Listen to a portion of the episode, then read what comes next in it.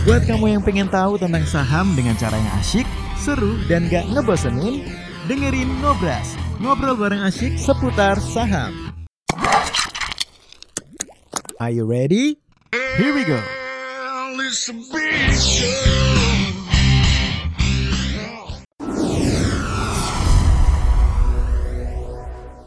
ilmu dasar yang paling sulit dan suka orang anggap remeh.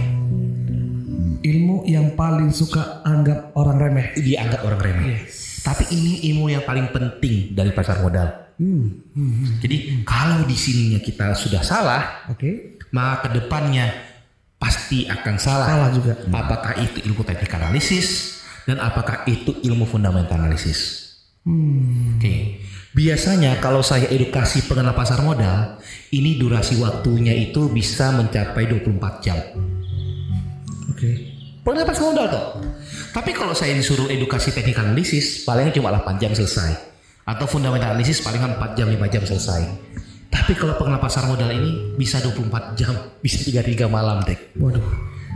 Karena ini mem- mem- membuat mem- membutuhkan mindset kali ya. Ya, ini pertama kalinya di sini.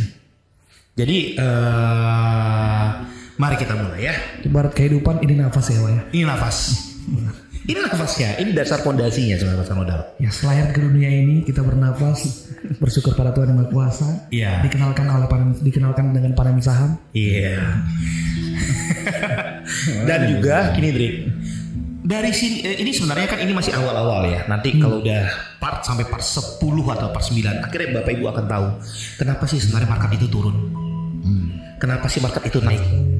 Kenapa sih orang itu kalau katanya penggoreng-penggoreng saham itu nggak susah untuk melakukan transaksi, ya kan? Apa namanya untuk untuk menjual atau jalan exitnya? Sebenarnya itu ada di pengenalan pasar modal. Tapi kita pada dasarnya kita basicnya dulu ya. Basic. Oke, oh, basicnya dulu ya. Oke. Oke, pasar modal itu dari dua kata. Yang pertama namanya pasar, yang kedua adalah modal. Simpel kan? Bener kan simpel kan? Kalau di dalam bahasa Inggris tuh gimana Pak? Ya, gua kalau bahasa Inggris gak susah. Bahasa Inggrisnya apa? Capital market. Oh, capital market. Capital market. Oke, Bapak Ibu lihat ya. Bahasanya adalah ada dua dalam bahasa Indonesia adalah pasar modal. Pasar dan modal. Kalau dalam bahasa Inggrisnya capital market. Capital market. Oke. Kita bahasa Indonesia aja dulu ya. Ya. Pasar modal. Artinya pasar itu artinya terjadinya dua orang yang atau beberapa orang melakukan transaksi jual dan beli. Oke. Oke, transaksi ini bisa terjadi atau tidak terjadi. Oke, nah yang namanya transaksi itu apabila sudah terjadi kesepakatan dan sudah done. Dapat ya, jadi pasar itu adalah ini seperti pasar tradisional pada umumnya. Ada penjual dan ada pembeli, ya kan? Nah itulah pasar. Sama kayak di pasar gelodok gini contohnya. Iya, Pasar iya. pasar sayur. Ya, maka itu kalau ada teman-teman bilang, Pak ada nggak pasar forex? Ada. Oh, oke. Ada pasar forex, ada penjual dan ada pembeli di forex, mata uang. Ya, Oke, berarti ada pertemuan, ada penjual dan pembeli dong. betul. Iya kan? Tapi kalau kita bilang ini adalah pasar forex yang seperti yang ada di future-future trading itu, yang suka kita dapat SMS hari ini harga emas itu bukan pasar, Oh, itu itu berbeda dengan pasar. beda sama pasar.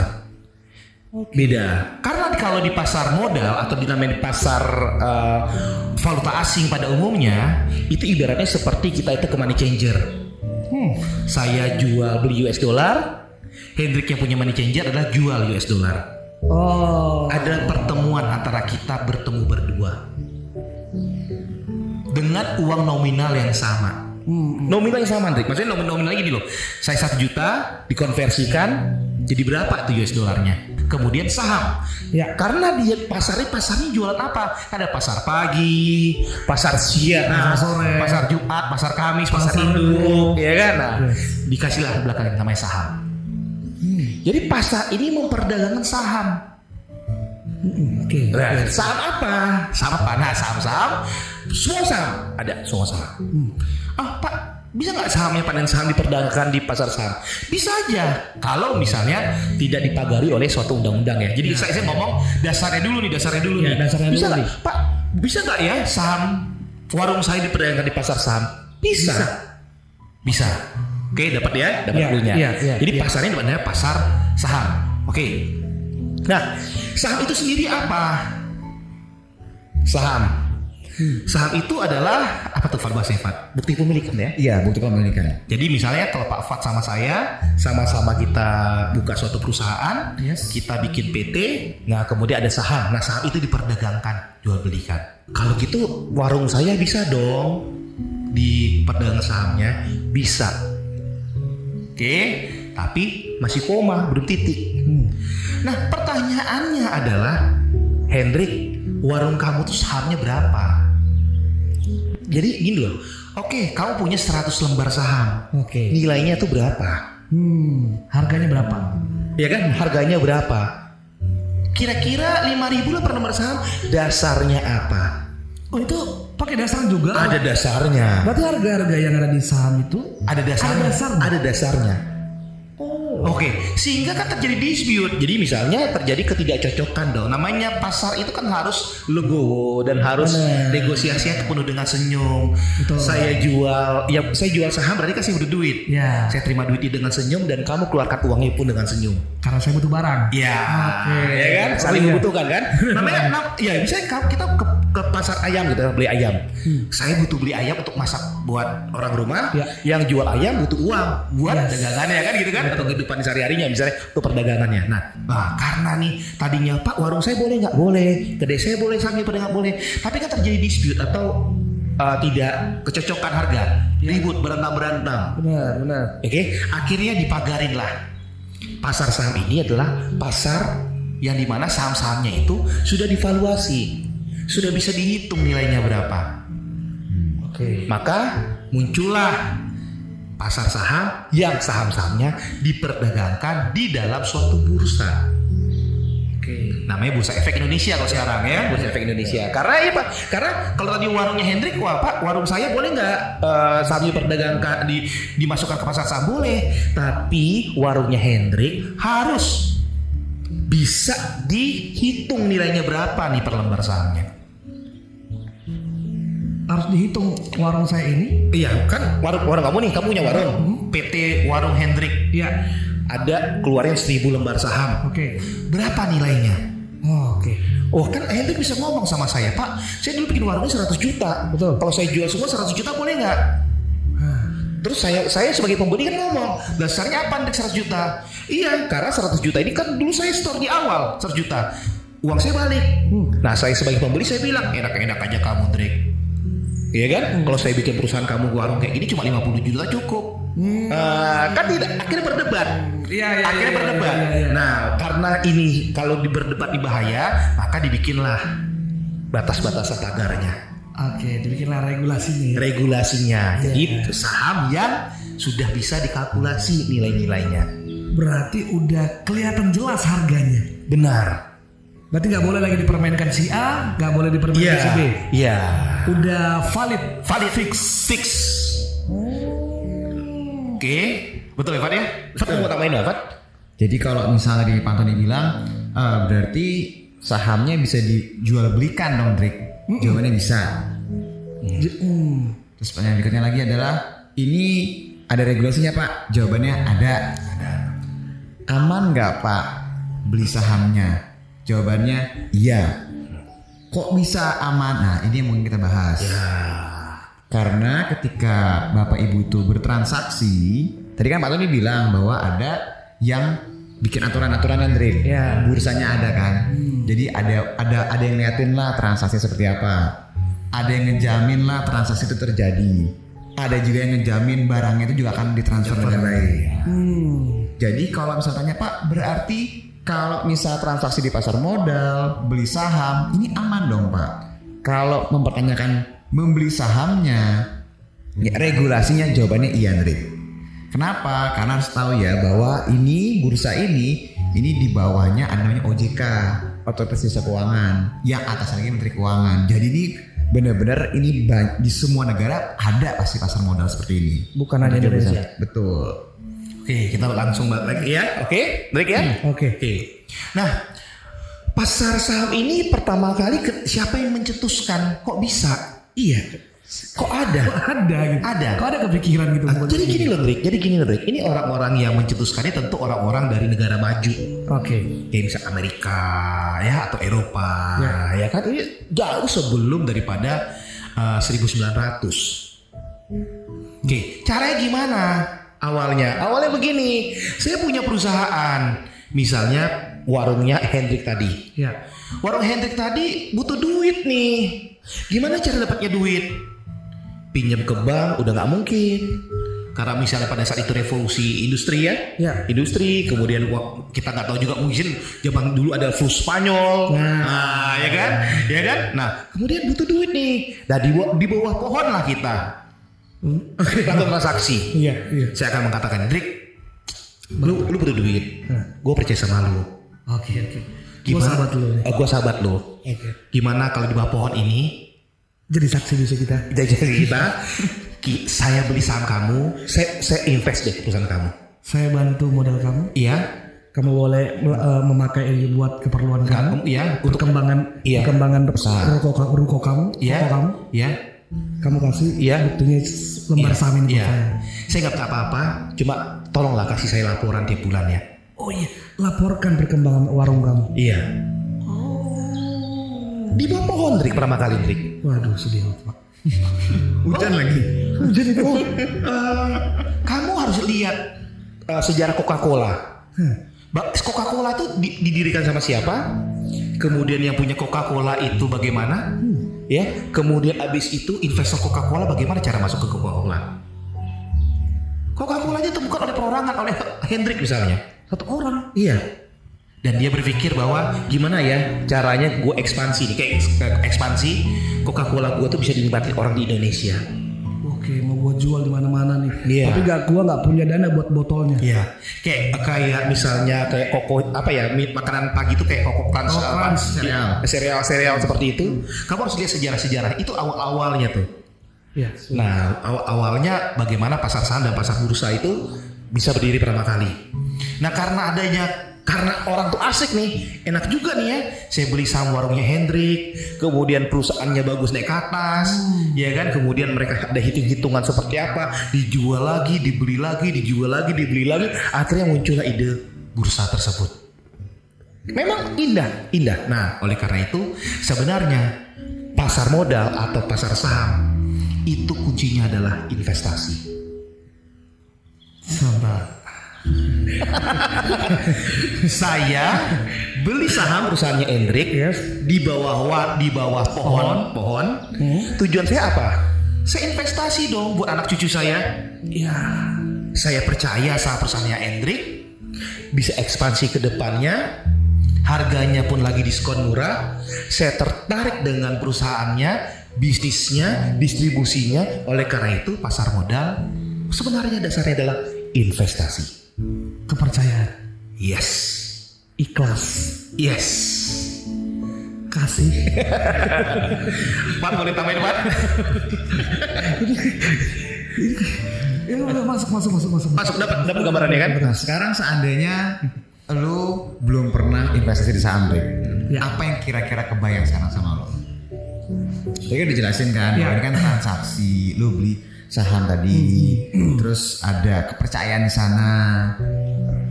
Dulu dulu sebelum gua mengenal investasi ya saham gitu ya. Apa sih saham ini gitu ya? Hmm. Terus kalau gua beli, gua dapat apa? Nah, Terus eh, kalau misalnya gua beli ayam ya dapat ayam dong. beli rumah ada Beli rumahnya, rumah ada rumah dong. beli kendaraan ada kendaraannya. Ada kendaraan. Nah, kalau saham dapatnya apa? Nah, apa yang gua tunjukin ke orang rumah? Nih gua beli saham, ye banyak nih. Wah banyak. Apa yang gua lihat itu pertama Oke. kali. Jadi kalau misalnya mikir ya kita kepikiran gitu ya, "Ih, kita dapat apa ya sebenarnya? Jadi ketika kita membeli sa- saham, Ya. itu kita dapat bukti kepemilikan, Rick. Hmm. Makanya kan kalau misalnya kita membeli suatu saham, taruhlah saham misalnya saham jasa marga gitu misalnya, Iya. beli berapa lembar, itu tuh nanti tuh ada konfirmasinya. Kalau memang antara lu sebagai pembeli dan penjualnya ada yang mau jual di harga yang lu minta, Iya. itu setuju. Oke. Kalau terjadi, baru nanti ada konfirmasi dapat ya sahamnya itu yang menjadi buktinya kalau lu punya saham jasa marga. atau mungkin saham-saham yang lain. Jadi lu punya bukti kepemilikannya. Bukti kepemilikannya. Yes. Ada buktinya semua. Ada buktinya. Kan di bawah pohon tadi. Oh iya. Ya kan lu di bawah pohon, kemudian habis itu Pak R, eh, saya Kun Hendrik, apa sih buktinya Hendrik? Ya kan waktu di bawah pohon itu kita di notaris. Ya ya ya ya. Di KUA lah ceritanya kan. Iya, kita tangan tanda tangan dalam suatu akta. Iya kan? Iya kan? KUA. Kayak gitu loh Hendrik. Nah, yang menjadi pertanyaannya sekarang buktinya mana kalau kayak gitu kan? Yes. Itu kan di email, Drik. Jadi ada ada buktinya. Se- apa? Bukan kertas ya, tapi ada bukti konfirmasinya. Iya, iya. Misalnya nanya, kenapa buktinya nggak dalam bentuk kertas aja? Ah, atau bentuk barang. Iya, atau ketika bentuk kita perjanjian di bawah pohonnya ada ada ada ada surat ini kan? Ya. Dulu, dulu tuh ada, Drik, bentuknya. Ya. Cuma karena transaksi ini mak- semakin modern, sekarang transaksi itu pakai elektronik, mulailah berangsur-angsur sudah nggak ada lagi tuh bukti yang pakai kertas tadi. Sama kayak dulu surat 4 kali 4 sama dengan 16. Iya. Sempat gak sempat harus dibalas. Iya, kirim, tunggu berapa hari, nungguin Pak Pos, Pak Pos. lagi. Sekarang jangan kan Pak Pos, tinggal lihat send. Satu menit lagi udah balas. Iya. Nah, kalau seandainya dulu itu ada buktinya, sekarang nggak ada, bukan berarti itu nggak ada bukti, bukti kepemilikannya.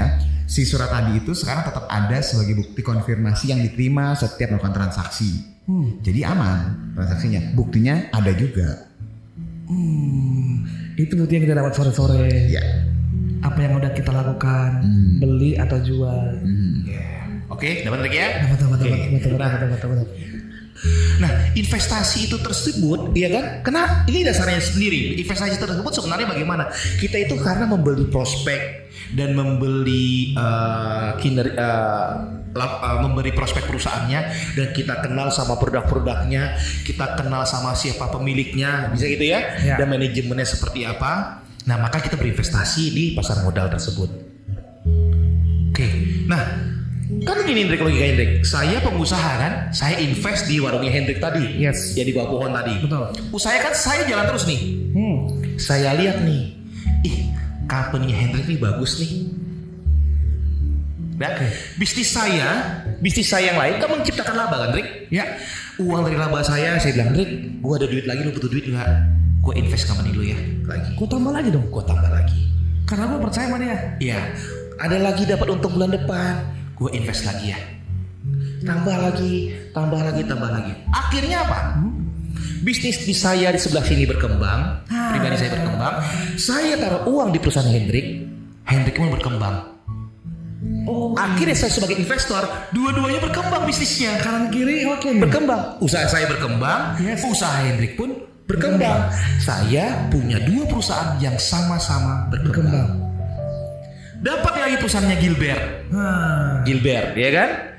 Dia bagus nih. Misalnya dia itu jual eh, apalah yang laku banget ya. Jual mie misalnya gitu ya, mie. Kan dulu kan mie kan enggak tahu atau jual tahu lah. Tahu paling gampang gitu kan. Apa tahunnya? Butuh duit, eh, butuh duit, butuh invest sana. Nah, saya dapat nih uang dari perusahaan saya. Ya. Tiap tahun perusahaan kamu bagi dividen. Saya tambah lagi nanti invest ke perusahaannya Gilbert Berarti sampai perusahaan Gilbert itu bertumbuh. Akhirnya saya punya tiga perusahaan. Yang satu milik saya bertumbuh, yang satu milik Hendrik bertumbuh, yang satu milik Gilbert bertumbuh. Oke.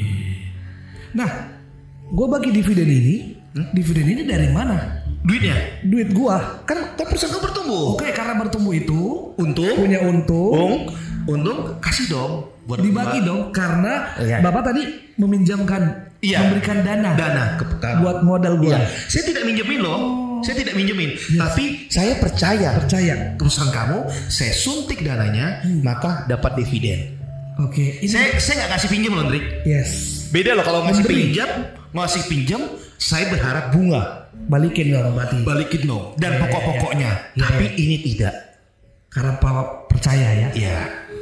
Di sisi lain, saya nggak diajak nggak diajak bisnis kan. Nah. Saya ngeliatin nih, ih kok si Pak Antoni enak banget nih. Nah, Ah. kasih duit ke Hendrik, bisnisnya Hendrik jadi besar. Warung gua makin gede nih, Iya. bertingkat dua nih. Terus kan gue duduk di persimpangan kan.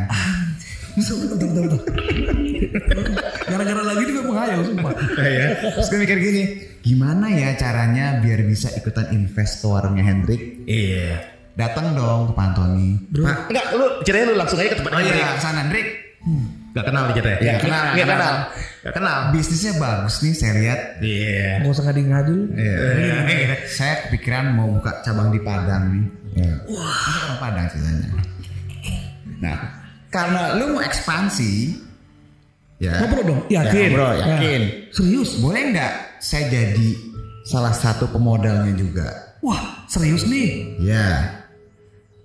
Tapi kan gue nanya dong, emang waktu itu tuh waktu sama Pak Antoni berapa investnya Pak Antoni kan Iya, dong. iya. Berapa bantu bantu dananya? Iya, Memberi karena dananya? waktu awal-awal kan tadi kan ada perjanjian di bawah pohon yang hujan itu tuh, Iya. ya kan? Janji Pak Antoni mau ngasih modal ke lu, Hah? pasti ada dong nominalnya berapa, Iya, iya, iya. berapa per lembarnya. Iya, iya, iya. Nah, Taunya waktu 100 kan, datang dong gua. Tapi lu udah sukses sekarang. Khusus dong. Boleh nggak beli harga per lembarnya juga sama satu rupiah? Jawaban lu apa? Wah jangan dong. Gua nggak bisa kenapa? Gue kan udah sukses. Udah udah gue udah, udah tinggi. Oh berarti kalau misalnya saya masuknya sekarang mau jadi pemodal juga, Iya. harganya udah beda. Udah beda lah. Karena Dulu kan waktu saya susah-susahnya, Pantoni yang datang. Gua udah udah naik kayak gini, lu datang dengan seenaknya. Kan kamu baik-baik kalau jadi emas. Oh iya, susah-susah. Susah gua. Oke, Tambahin lah. ya udah kalau kayak gitu 200 rupiah deh per lembar.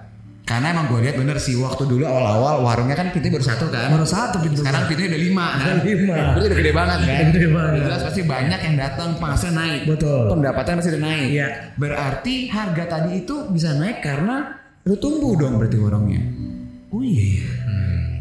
Berarti sekarang harganya kalau saya mau beli ke Pantoni nggak bisa 100. Ya enggak lah. Pantoni mau jual di harga berapa? Gua sih gak jual sih. Oh jadi boleh nggak jual? Gak jual. Nahan dia. Gua nahan. Oh dia nahan karena Pak Tony ngeliat usahanya sudah Usaha bagus. Iya dong. Kalau usaha Gilbert tadi kan pantas. beda lagi. Coba ke Gilbert deh. Ah Gilbert tadi jual mabuk pasti dia beli. Nah, gitu. Jadi jadi jadi pasar modalnya seperti Iya, itu iya, iya, konsepnya. iya. Dapat dapat Langsung, langsung. dapat dapat dapat kan? Langsung, langsung. Dapat dapat kan konsepnya kan? Berarti kan dia cerita. Akan ada selalu yang percaya dari awal.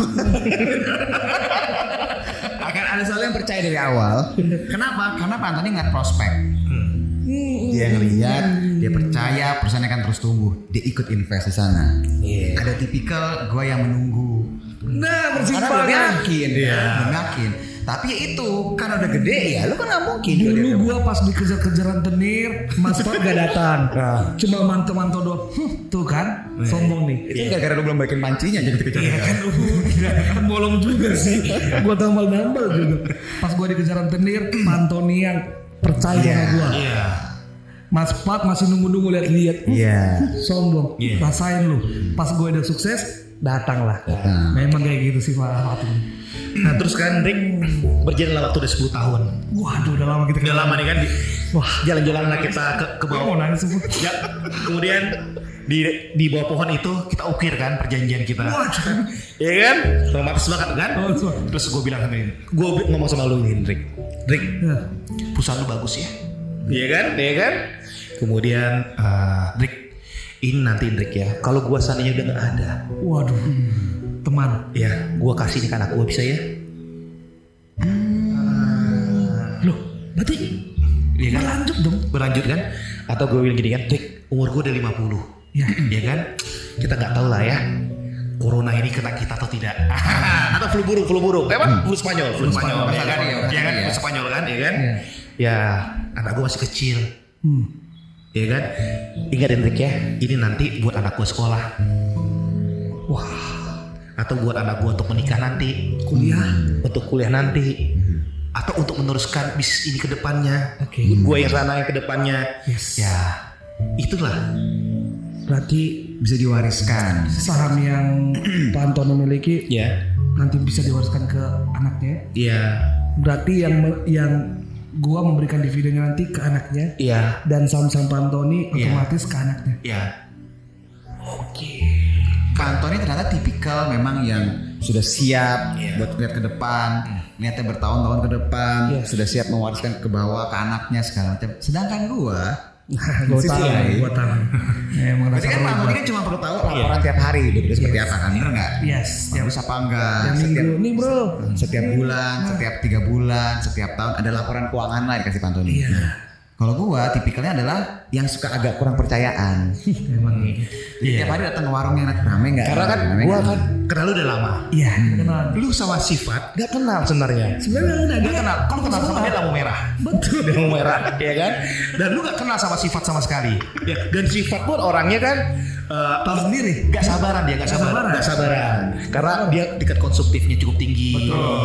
Kalau Iya dulu kan? antar antar dulu kan nggak mau dia. Gak mau putus gak, eh, ah, apa nih lama-lama ngapain capek nanti penjualnya ya kan mikir agak sedikit ya gue mikir untuk 10 tahun lagi nggak mau deh gue mungkin untuk hari esok aja langsung Iya. Nggak sabaran. Oh. Jadi jadi gua agak gelisah orangnya. Karena emang gua nggak merhatiin laporan keuangan lu. Karena lu kita nggak kenal. Iya, Terus ngapain makanya. lu ngajak-ngajak ekspansi? Iya, cuma trust. Cuma, cuma dengar dengar dengar dengar usahanya bagus. Iya, dengar dengar usahanya Oke, bagus. oke, oke, benar, benar, benar, Karena dengar dengar terus. Drake eh, ada mute dong katanya Drake Iya, tolong di mute dulu, Drake. Oke. Apa ya, Bapak Ibu ya? Soalnya eh, kebetulan adminnya ikutan sinetronnya juga, jadi dia nggak nggak fokus tuh. Oke.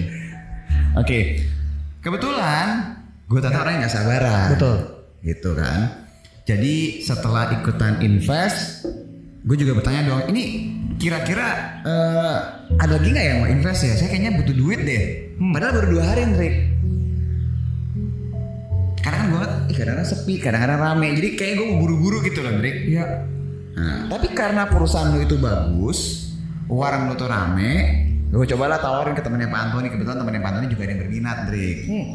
Nah, waktu gua invest di lu, harga per lembar sahamnya 200 rupiah. Iya. Cuma karena gue butuh duit, ah udahlah 202 juga nggak apa-apa deh. Dua hari, dua poin, dua persen udah cukup lah. Iya. Oke. Gua nggak, gua nggak tenang. ceritanya deket-deket mau bagi dividen nih Nah. karena dengar-dengar dividen Hendrik gede, Gede. Fat tiba-tiba mau masuk ya kan Emang dasar. kemudian abis itu oh, deket-deket dividen dia mau jualan nih atau abis dividen Masuklah dia dekat-dekat gua. Iya. Iya. Dirayu lalu kan pakai Iya. minuman, minuman, karaoke, entertain, Bener. Pisang goreng. pisang goreng, apa? Dia suka minum kopi, kasih kopi, rokok kasih rokok. Akhirnya kan rayuan, rayuan Fat kan masuk ke lu nih. Sedangkan kalau gue nih, gue orangnya kan celana pendek, Selalu. sendal Nah, ya kan, ya kupluk, nah biasa biasa aja dan gue orangnya sederhana. Bener. Ya kan, nggak suka entertain. Gak suka entertain. Jadi tipikal yang seperti gue ini adalah ya gue maunya yang cepet aja lah. Cepet aja lah. Dua persen nggak apalah untung sedikit yang penting dua hari tiga hari udah cukup deh. Tapi ya pada akhirnya Pak Antoni mungkin invest awal ke 100 Mungkin makin kafe lo makin besar, orang makin besar. Iya dong. Yang mau invest pun juga harganya udah nggak udah nggak 200 lagi. Gak mungkin lah. Tapi gue udah gak jadi investor lagi. Tapi akan selalu ada orang-orang seperti gue Andre yang duduk niatin, oh iya ya rame ikut ah. Wah, cuma lihat rame, bisa lihat iya. rame dari ujung Iya. jalan. Iya.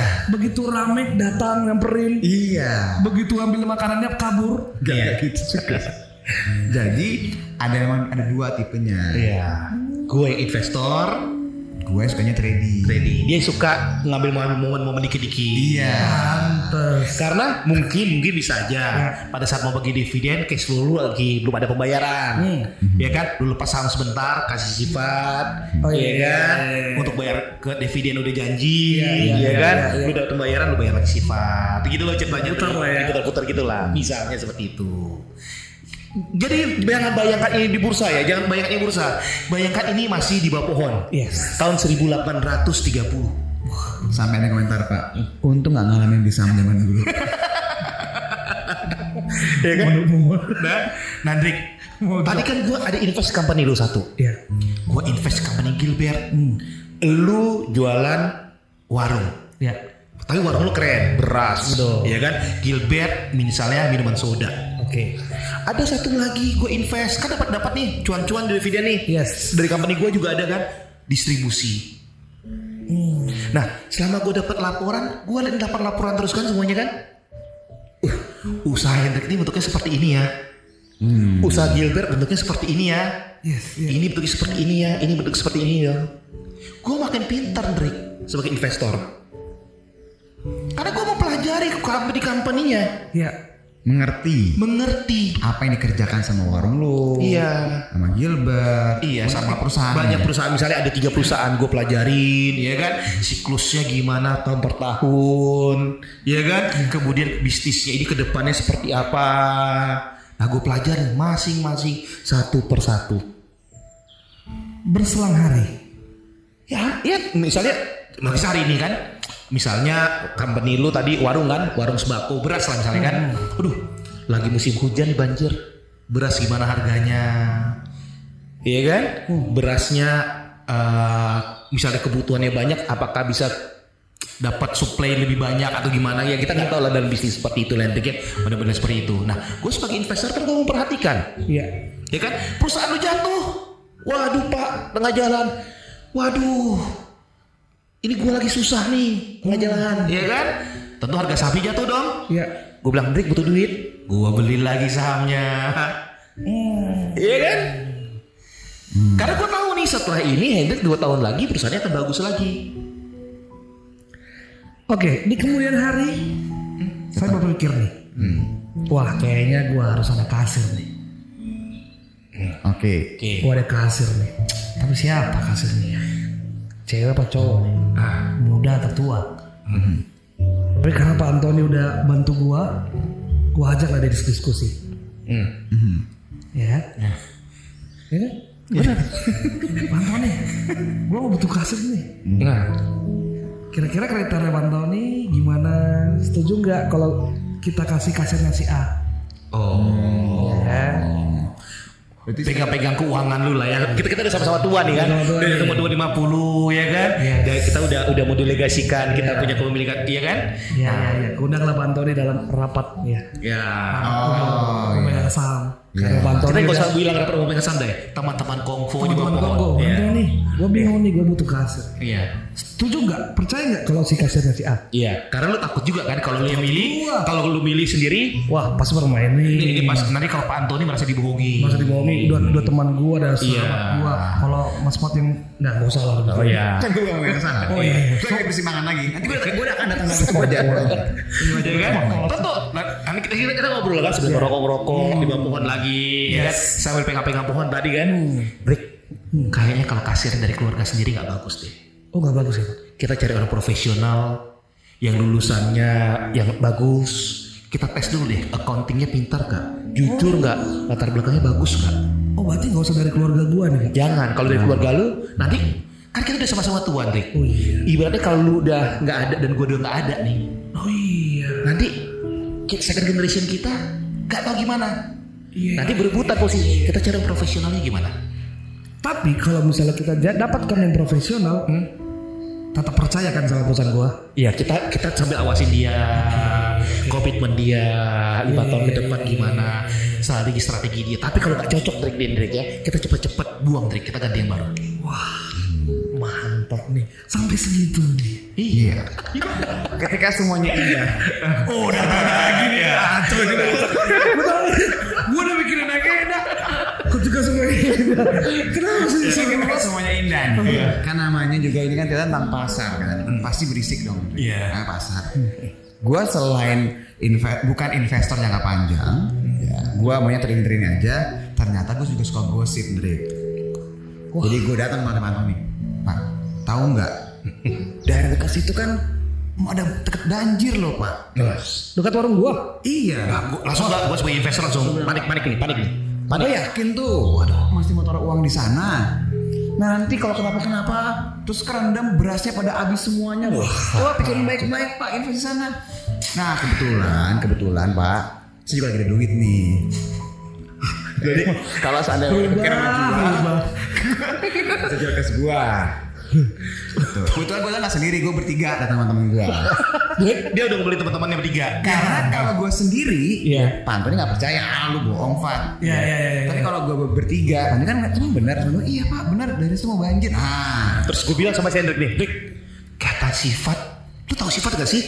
Ya tahu sih yang yang yang, yang tek tek kayak butuh yang rentenir gua itu, rentenir gua. Makan gorengan lima bang tiga. Iya, iya kan? Dua. Rick, Rick, katanya tempat lu bakal banjir. Iya sih pak.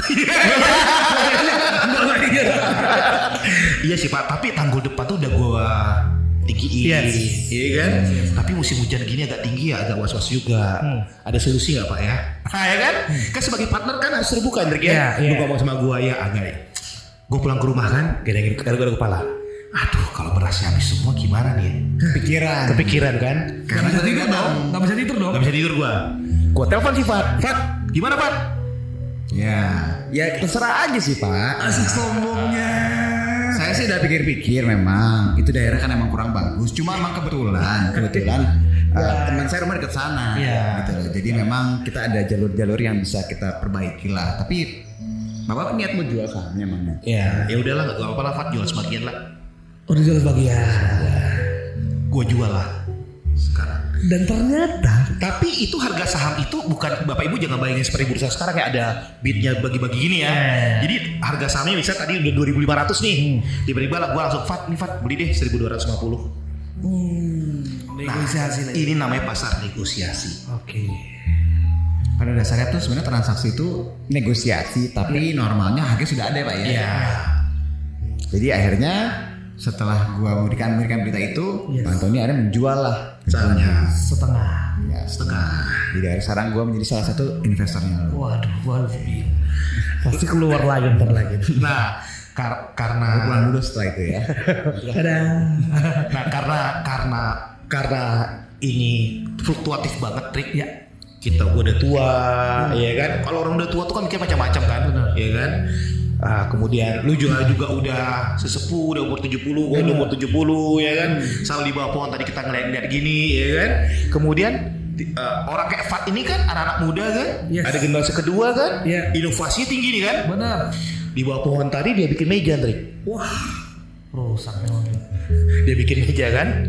Ya yang mau sama Hendrik siapa? Yang mau jual sama Hendrik siapa? Yang mau beli sama Hendrik siapa? Kayak lelang Hendrik ayo sama Hendrik sama Hendrik besok ada beritanya ini nih. Nah, selain suka di persimpangan, suka gosip. Nah, gue yang rusuh rusuh Iya. karena mereka udah dapat untung dia. Provokator. kata kata dia gini. Wih enak banget sih. karakternya di sini. Karakternya banget kata kata Sifat kata Sifat enak kata Sifat gini enak juga ya 1250 gue beli besok gue jual 2000 kayak ini gampang nih. Wah. Eh sama Hendrik siapa? Eh siapa yang melelang Salah kita berarti, kita lelang berarti. lelang ya nah bikinlah dia meja kan Wah. bikinlah dia meja Iya nih. nah Yang tadinya udah damai semua, dia pakai toa di bawah meja, di bawah pohon. Rame. Rame berkunjung lagi semua. Iya. Nah itulah, nah karena banyak orang kayak sifat begini, iya kan? Lama-lama kan berantem semuanya. Berantem dong, Yes. Rebutan. rebutan. Apa-apa nih sifat nih? Jual 1250, yang sana jual 1300, yang sana 1400. Ini ini ini. Mana jangan-jangan orangnya dia dia sendiri nih. Ah. Kan itu lelang auction. Eh. Auction. Jadi dasarnya pasar modal itu adalah lelang. Ya, ya, ya. Dasarnya itu Bapak Ibu harus tahu bahwa dasarnya kita dalam menjual dan membeli saham itu adalah sistemnya adalah lelang. Ya. Oke, nah lelang ini kan takutnya ada yang main-main ini, Hmm, kita nggak tahu. ya kan? Kemudian dibikinlah satu regulator, Hmm. Hmm. ya kan? Eh, dibikinlah satu bursa. Hmm. Itulah disebut dengan bursa saham. Ya. Makanya pada tahun 1990 waktu pasar modal dibikin, itu yang pertama kali masuk ke bursa adalah saham semen Cibinong. SNCB. SNCB. Unilever itu sahamnya udah sejak tahun 1900 sekian kalau nggak salah. Saya nggak tahu kalau. Udah udah udah udah Di luar udah- sana ya? Di luar sana Iya, udah sana iya. udah, udah mulai di- enggak sebelumnya sebelum itu udah mulai diperdagangkan sama Revat. Hmm. Tapi masuk bursanya baru ini. Gitu kan? Nah, itu Unilever udah dari dari sebelum-sebelumnya. Ya. Nah, oleh karena dibikinlah bursanya dulu. Hmm. Oke, bursa. Bursa ini kan perkumpulan daripada sifat, Bikin kantor lah istilahnya. bikin ya. kantor kan Nah. Nah, per- perkumpulan orang-orang seperti sifat ini lah kan anak muda yang penuh dengan inovasi dan greedy-nya ini kan ya, gitu kan misalnya Yang berisik gitu. lah ya pokoknya. berisik lah berisik ya gitu kan Yang orang-orang. berisik ya yang yang yang yang katanya gue kan investor Yang katanya, "Oi, saham ini besok naik."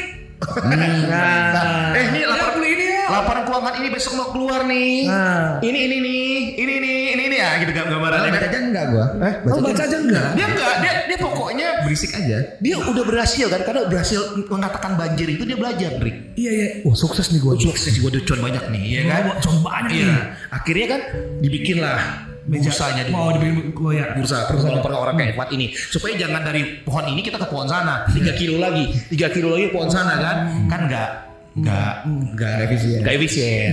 Ya bayangin aja Tokopedia lah. Satu speaker harganya bisa beda-beda semuanya Satu, kan? iya, benar. nah seperti itu kan. Nah kemudian karena ada keributan lah. Keributan kan? Ini kayaknya udah gak benar nih ya kan? Polisi datang. Ya kan? Polisi datang ya kan? Kenapa ribut-ribut? Ini loh pak ini jualnya ini ini ini ini ini ini ini, ini. Ah, mungkin timbul masalah hukum kan? Ya. maka muncullah regulator Oke. yang mengawasi semua jadi bursa efek Indonesia itu ya adalah perkumpulan daripada anggota bursa semua Hmm, anggota bursa Boh, Pak, kalau gitu bursa efek atau bursa yang tadi itu bukan BUMN dong? Bukan. Bursa Efek Indonesia itu adalah perkumpulan dari anggota-anggota bursa. Yang anak-anak kayak sifat tadi. Diambil dicopot lah satu satu yang paling bagus. Iya. Eh, semuanya ada yang mau buka kayak Fat, ada ada ada ada ada ada ada ada ada ada ada ada. Oke, ada ada. Oke, bikinlah anggota bursa. Nah, jadi bursa efek Indonesia itu Pak, saya orang bursa efek Indonesia. Oh, kamu orang pemerintahan ya? Salah. Bursa efek Indonesia itu terdiri daripada Anggota bursa. anggota bursa yang ada. Berarti nggak ada hubungan dengan pemerintah dong. Gak ada. BUMN nggak ada. Tidak ada. Kita udah mulai masuk era modern ya. Oke. Oke. Lu baru tahu, Drik? Oh tahu gue. Itu BUMN. Ya kan? Jadi dari mana mereka hidup bursa efek Indonesia? Nah, nah setiap auction-auction tadi yang lelang-lelang tadi, meja-meja banyak, Ya. ya kan? Kata bursa, oke gini deh, kita kumpul-kumpul, lu pokoknya dapat dapat uh, surat ini lakunya berapa, lu bayar ke gua ya fee. Hmm, pokoknya kita kumpul-kumpulin fee. Soalnya kan si bursanya juga nyatet-nyatetin, Rick. Nyatet-nyatetin. Ada tukang catat ada biaya juga lah. Biayanya, Mastiin benar. nyimpen-nyimpenin juga nggak Fotokopi. Iya. Iya iya iya iya. Tuh, iya. ngawasi. Nah, karena si bursa efek Indonesia ini ada, nah dia harus ya ada yang ngawasi kan, Rick? Harus biar gas selewengan ya. Karena udah mengha- udah mengarah pada orang banyak nih. Orang banyak nih. Udah orang banyak nih. Misalnya Yes. seribu orang, 300 orang kan udah banyak ya. Banyak, banyak, udah banyak. kan. Maka timbullah yang satu disebut waktu itu namanya Bapepam. Badan Pengawas Pasar Modal. Oh, Oke. Bapak Pam. Bapepam. Dia yang mengawasi dia mengawasi ini nih. mengawasi anggota bursa tadi. Yes. Kalau ada penyelewengan, kalau ada yang aneh-aneh, ya kan? Segala macam dia yang mengawasi dalam bentuk satu regulasi. Hmm, hmm, hmm, hmm. Bapepam ini sekarang berubah menjadi OJK. Nah, nah bagaimana nasib gua tadi yang temen lu? Iya, gimana nih Pak? Ya, karena kita di bawah pohon tadi Ya. dan gua bukan pemain hit and run. Dan Bapak udah punya kertasnya yang kita tanda Iya, kita tangani. Maka nama gua yang tadinya itu bisa lepas-lepas aja dari akte untuk anak cucu gua susah. Benar. Akhirnya karena ada regulator, karena ada bursa tadi, nama gua masuklah ke akte lu. Oke. Dan semua orang tahu bahwa gua adalah pemegang saham di Warung gua. Warung Hendrik. Tapi kalau misalnya hanya kita berdua yang tahu, Hendrik, Ya. Iya kan? Iya, iya, iya. Istri gua nggak tahu, istri lu nggak tahu, anak gua nggak tahu nih ya kan? Hanya rahasia kita berdua. Iya kan? Pada saat kita udah nggak ada. Ah, nanti itu bisa berebut kan berantem. Yes. Berantem dong. Buktinya apa? Buktinya apa? Ini ada surat. Enggak, itu bohong. Itu kan udah di ini lagi, di ini lagi, di ini kan suratnya banyak, Drik. Yes. Nah akhirnya nah karena ini ini membawa dampak yang positif bagi gue investor pertama kali di uh, tempat. Di satu sisi, Pak Antoni kan tadi ke investasi ke sahamnya Gilbert. Hmm. Pak Antoni semakin tua, semakin berpikirlah dia. Ini kenapa warung si Gilbert nih Beda. beda? Udah sebulan gak buka-buka. Di telepon susah, Di telepon susah. di SMS nggak balas. SMS gak balas. Ke mana? Ini orang berdebu. Gitu. Kasirnya berdebu. Iya. Di WhatsApp centang tiga. Cetak satu. berdebu. Wah, Masih hidup enggak nih orang? Iya. tidur gak ini warung? Nah, gue sebagai investor kan takut kan? Takut dong. Bertanya-tanya. Bertanya-tanya. Kalau gue tanya sama dia, Bet, usaha lu gimana? Marah dia. ngambek dia, sensitif. Sensitif. Nah, telepon gue di reject reject. Wah, betul. Dia kontak, Betul. Diblokir. Betul. Iya kan? Di satu sisi, gue melihat sesuatu. Oh, datang lagi. rubah, datang lagi rubah. Melihat gini, warung. Iya, gue melihat. Gue bilang, wah, nggak bener nih warung nih. Berdebu. debu.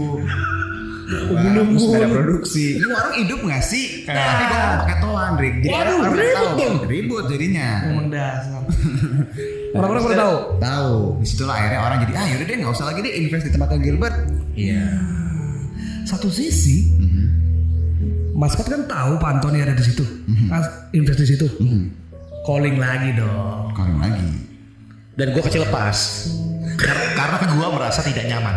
Nah, Berarti sebenarnya dasarnya kita melepas investasi kita bisa karena misal satu, Iya. oh dilihat dirasa perusahaan ini sudah cukup lah pertumbuhannya, Iya.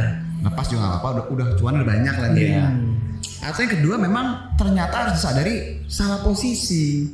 Ternyata apa yang diekspektasikan di warung Antoni ini ya, ya, Pak Antoni dikirain jauh dari ekspektasi. kan dia tadi minuman soda. Wah ini bakal minuman soda nih. Ternyata enggak. Dia minum sendiri. Dia minum sendiri. Dia minum sendiri. Itulah contohnya sang gocap. Iya. Jadi jadi sebenarnya, nah tapi kan kalau gue sebagai investor, Yes. gue Gilbert susah, Iya. kan gue butuh bantuan. Iya dong. Ah, gue butuh bantuan. Ya gue bilang sama gini, eh bursa, lu kan dapat fee. Masa lu nggak bisa ngawasin beginian sih? Iya. Oh iya. Coba dulu ke sana. Ya. Rebek langsung. Ketok pintunya coba. Coba ketuk pintunya. Merebek. Coba minta-minta laporan keuangannya di segala macam. Iya iya iya iya iya. Ah, Tapi dia nggak ternyata selama ini nggak ada laporan keuangannya. ah di suspend lah dia. Berarti dia wah, Stop. Stop lah. tujuh tahun dong. Di suspend itu berarti warungnya masih bisa berjalan.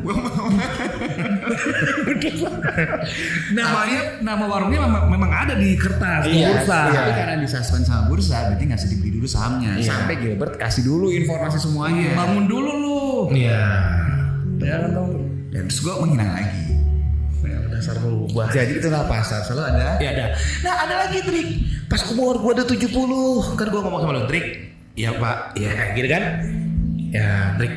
Gua kemarin nanya anak gua. Ya. Mau nggak terusin pemegang saham di perusahaan Hendrik ya? Wah, oke. Anak gua ngomong gini. Pak. aku nggak mau lah. Oh kenapa? Kenapa? Iya kan. Dulu aku pacaran sama anaknya Hendrik.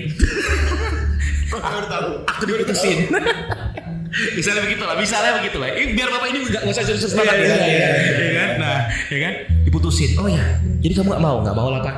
Nanti cewek nikah susah. Dia udah menikah sama orang lain, aku dapat hati. Ya, alasan gitu kan. Alasan klise lah, ya kan? Iya, Atau dia bilang begini.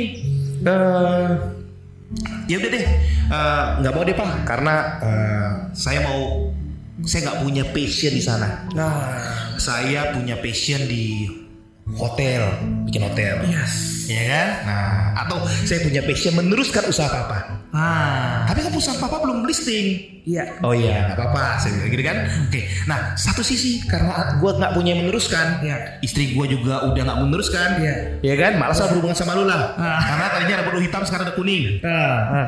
merah gitu kan, putih gitu kan. Nah, akhirnya gue jual saham Wah, kepemilikan. Gak berteman lagi dong. Ya nggak berteman, Rick. Sorry Rick ya, keluarga gue kayaknya nggak mau lagi invest tempat lo. Kok gitu sih pak? Nah, oke, nggak kayaknya keluarga gua eh, anak gua ada empat nih, ya kan? Gue juga berpikir pengen kayak perusahaan lu gitu loh, Trik. Hmm, hmm, hmm. Ada pemegang-pemegang sahamnya banyak. Oke. Tujuannya adalah sebenarnya supaya saat gua udah nggak ada nanti, Hmm, hmm. ya kan? Bagi hartanya ini imbang semuanya. Hmm. Karena gue punya anak empat. Harus kalau gue punya anak empat, Hmm. kita udah nggak ada, Ya. Dan kita bagi-bagi harta ini susah nih, Rick. Ya. baru belum masuk peti, eh belum masuk kubur, harta udah bisa direbutin orang. Iya kan? Ini punya gua, ini punya gua, ini punya gua, ini punya gua, ini punya gua. Karena gua kebayang-bayang nih, Rick. Ada teman kita yang begitu, ah, kan gitu kan? Iya, betul. kan? Akhirnya gua pengen perusahaan kayak lu lah. Apa itu namanya itu ya? Yang support bursa yang kita punya saham diperdagangkan untuk orang lain. IPO Oh, tawarkan. tawarkan ke orang lain, ya kan? Nah, gua bikin nih perusahaan nih, IPO. Anak gua ada empat, gua bag- bagilah masing-masing. 25 persen, eh 20, 20, 20, 20. Sisanya 20 gua kasih ke masyarakat agar perusahaan gua lebih profesional. Hmm, berarti tujuannya perusahaan itu mulai diperkenalkan di bursa, yang tadinya nggak bisa dibeli masyarakat, bisa dibeli masyarakat. Salah satunya adalah supaya lebih profesional. Iya. Kalau tadi awalnya saya beli ke company Hendrik Iya. karena perusahaan Hendrik butuh duit. Karena belum ada bursanya. Kalau karena kan saya sekarang ngelihat, oh dengan perusahaannya Hendrik IPO, listing apa segala macam, lebih profesional, ya kan? Dia bisa rekrut ya walaupun warung tapi dia bisa rekrut direktur dari Harvard, Nah, ya kan? Harvard University, warungnya tadinya satu pintu sekarang udah 300 pintu, Hmm. Ya kan dapat seluruh wah, bagus. Saya punya perusahaan. Saya pengen bikin seperti Hendrik. Ya kan? Nah, salah satunya saya undang Hendrik mau nggak invest company gua gantian. Ah, anak gua dong. Iya, Ya, ya, ya, invest, ini invest dong company gua. Ya sedikit-sedikit lah. Berapa valuasinya? Berapa nilai per sahamnya? Sekian, sekian, sekian, sekian. Tapi gue bilang, tapi tujuan gua IPO listing bukan kayak lu, Ndrik. Lu dulu kan karena butuh duit. Betul. Ya, kalau gua butuhnya karena gua kalau udah gak ada harta gua dibagi sama Tata dan setiap keluarga gua tahu nih harta kekayaan mereka masing-masing berapa supaya nggak berantem anak-anak gua. Dan perusahaan tetap bisa berjalan di tangan profesional. Yes.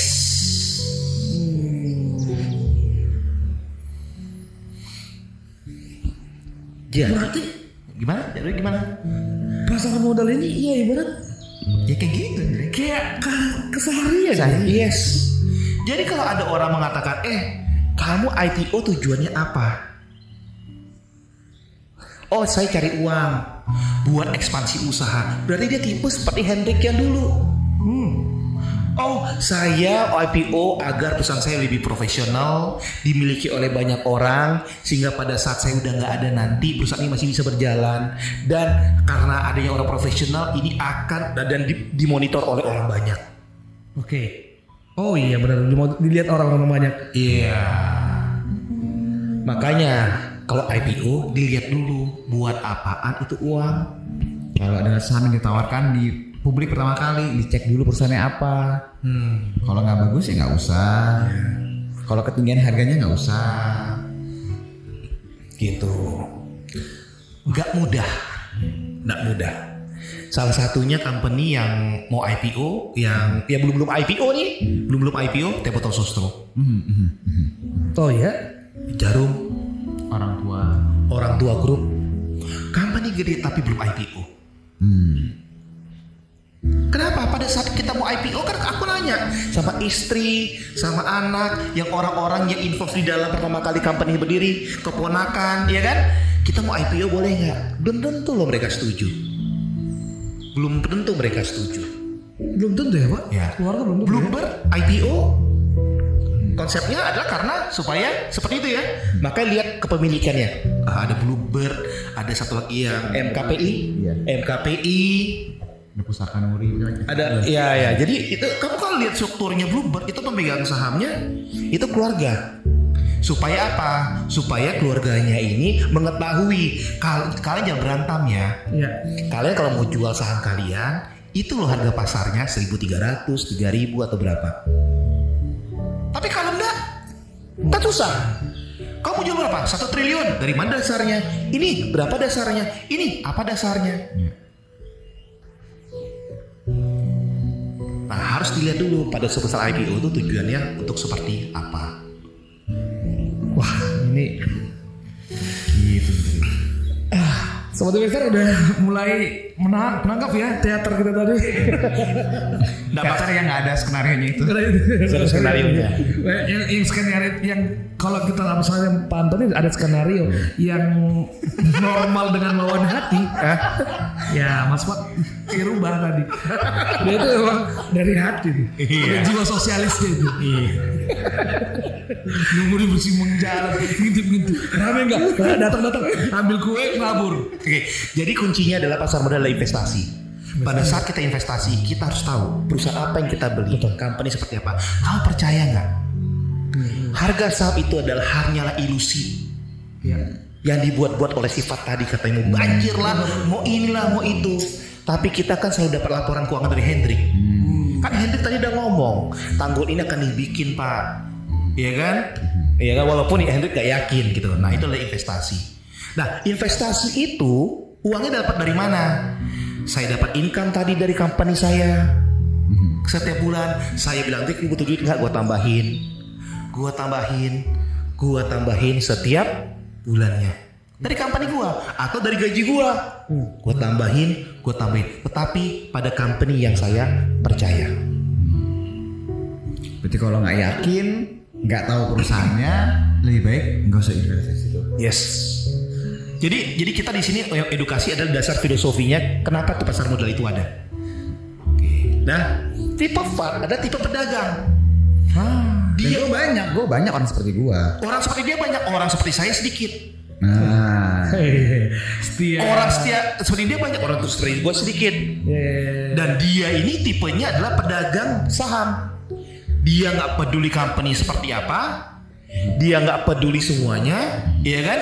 Dan dia ini pokoknya yang penting cuan setiap hari. betul. Apakah gue salah? Dia tidak salah. Kalau tidak ada dia, pasarnya sepi. Tapi, tapi terkadang dia salah. Dia salah, kenapa dia salah? Ya karena dia selalu mengumbar-umbar saham gua. Sebentar. Ketika jangan gitu dong mas. Kenapa buat buat spanduk di atas? gua mau ini Pohon ini, ini, kelapa. ini pohon kelapa. Tuh sama Hendrik, gua nanti beli di sana. Nah, ya gitu sekarang dong. gini. Yang terganggu, yang lain kan terganggu. balik ke filosofi Pak Antoni.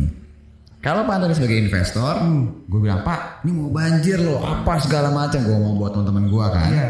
Saya buat teman saya bapak ibu. Tapi kalau seandainya Pak Antoni bilang, ah, gosip aja sih, biarin aja. Emang cuma lo nya aja pengen harganya murah, nggak mau gue mau jual. Kan nggak salah juga. Tapi memang orang seperti saya, bapak ibu, setiap hari di pasar akan selalu ada. Setiap saat pasti akan selalu mengubar berita yang pada akhirnya jadi akhirnya mengerubah psikologis anda semua. Yang tadinya yakin mau invest jadi salah ya posisinya. yang tadinya nggak mau beli jadi beli, lepas beli kok jadi salah ya. Nanti setelah dicari marah nih sifat, udah kok udah hilang. Emang lah. Udah kabur duluan lu ya. Jadi kalau orang ada orang kalau nggak ada seperti sifat, ya. Rick, orang kalau nggak ada orang seperti sifat, ini pada saat gua mau jual saham gua, eh ini mana gua mau jual nih? Nggak ada. Tadi mau ngambil barang gua, Nggak ada. Kalau semuanya investor, Berarti memang ada untungnya juga. eh, ya di dalam pasar modal tuh emang ada investor dan ada yang namanya trader. Ya, tapi jangan umur-umur juga dong. Tapi ada tapinya juga sebagai yang suka ngasih berita, yang maksudnya ngasih tahu cerita-cerita segala macam. Tapi kok bener dong yang orangnya Gilbert? Oh iya benar. Jadi sebenarnya berita apa yang kita baca, cerita apa yang kita tahu, bukan berarti langsung ditelan mentah-mentah. Logikanya masuk akal apa enggak? Nah nextnya tadi ada cerita karena gue invest di company Hendrik, Ya. gue invest di company Gilbert, gue tuh jadi pinter.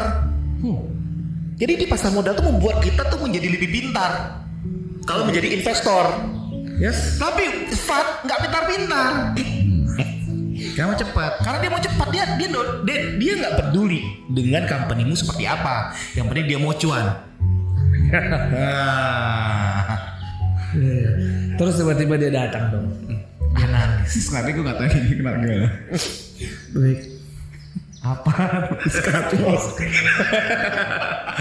Begitu ya. Walat lo mau gue. iya kadang-kadang seorang pedagang kalau dia, dia udah nafsu Drik dengan Iya. psikologisnya dia sombong lah. dia tuh udah sombong dia tuh kan maunya kan untung-untung terus Yes. ah sedangkan gue investor kan duit gue banyak Ya. gue habis jualan nih Iya kan? Sifat belinya di atas. Ternyata benar-benar kejadian. Kejadian. Banjir. Banjir, Banjir. banjir. Banjir. Sifat ngomong sama gua. Pak. Kenapa? Thank you, Pak. Banjir, Pak. Jadi syukur gua keluar dari Pak Hendrik. Hendrik datang lagi. Pak. Banjir, Pak. gue jual saham gue balik 100 deh. Nah, Lu dia beli di 250. Waduh. Bantu gue deh pak. Ah gue beli. Berapa lama lu Drik akan renovasiin semua? Tiga tahun lah pak. Memperbaikinya. Fat nyangkut tiga tahun. Tiga tahun. Gua uang dingin. Yes. Beli. Fat ngomong. Panton. Ya. Lu nggak beli saham gue 100. Kenapa Fat? Lu nggak mau invest? Enggak. Gue pakai uang orang pinjem bank. hmm, Iya kan? Duit gue sebenarnya cuma 50, 50 juta. Gue ngutang sama orang 200 juta. Gimana nih? Ya udahlah Fat. Sabar-sabar aja deh. Tiga tahun lagi Hendrik angkat apa? Per- Perbaiki kok dia punya company. Wah, Pak nggak bisa Pak. Bunga gua itu dua persen sebulan. Betul. Setahun 24 persen. Ketahuan. Kali tiga 60 persen. Wah. Berarti gua harus jual sahamnya di harga kira-kira 350 gua baru break even point. Misalnya gitu kan dia beli 250. Jadi lu mau gimana? Udahlah gua jual aja lah di harga 100. Berarti bisa dibilang bapak ini ketahuan belangnya. Pertama-tama dia keluar-keluar, eh nyangkut juga kan? Iya. ya. Karena karena dia dia ya dia dia dia ngasih tahu mau banjir. Iya. Memang benar mau banjir. Tapi dia masih bertahan sih. Kan kan gua tanya sama lu. Iya. Drake gimana Drake? Iya sih Pak. Tanggul udah saya bikin. Tapi nggak kuat nih. Tapi kayaknya mudah-mudahan kuat ya Pak ya. Iya, ah, lu pun ragu kan? Nah, lu pun ragu kan? Ya lu pun ragu kan? Benar, benar. Kan gua jual sama gua. Benar. Nah, Sifat beli. Ah, kenapa dia?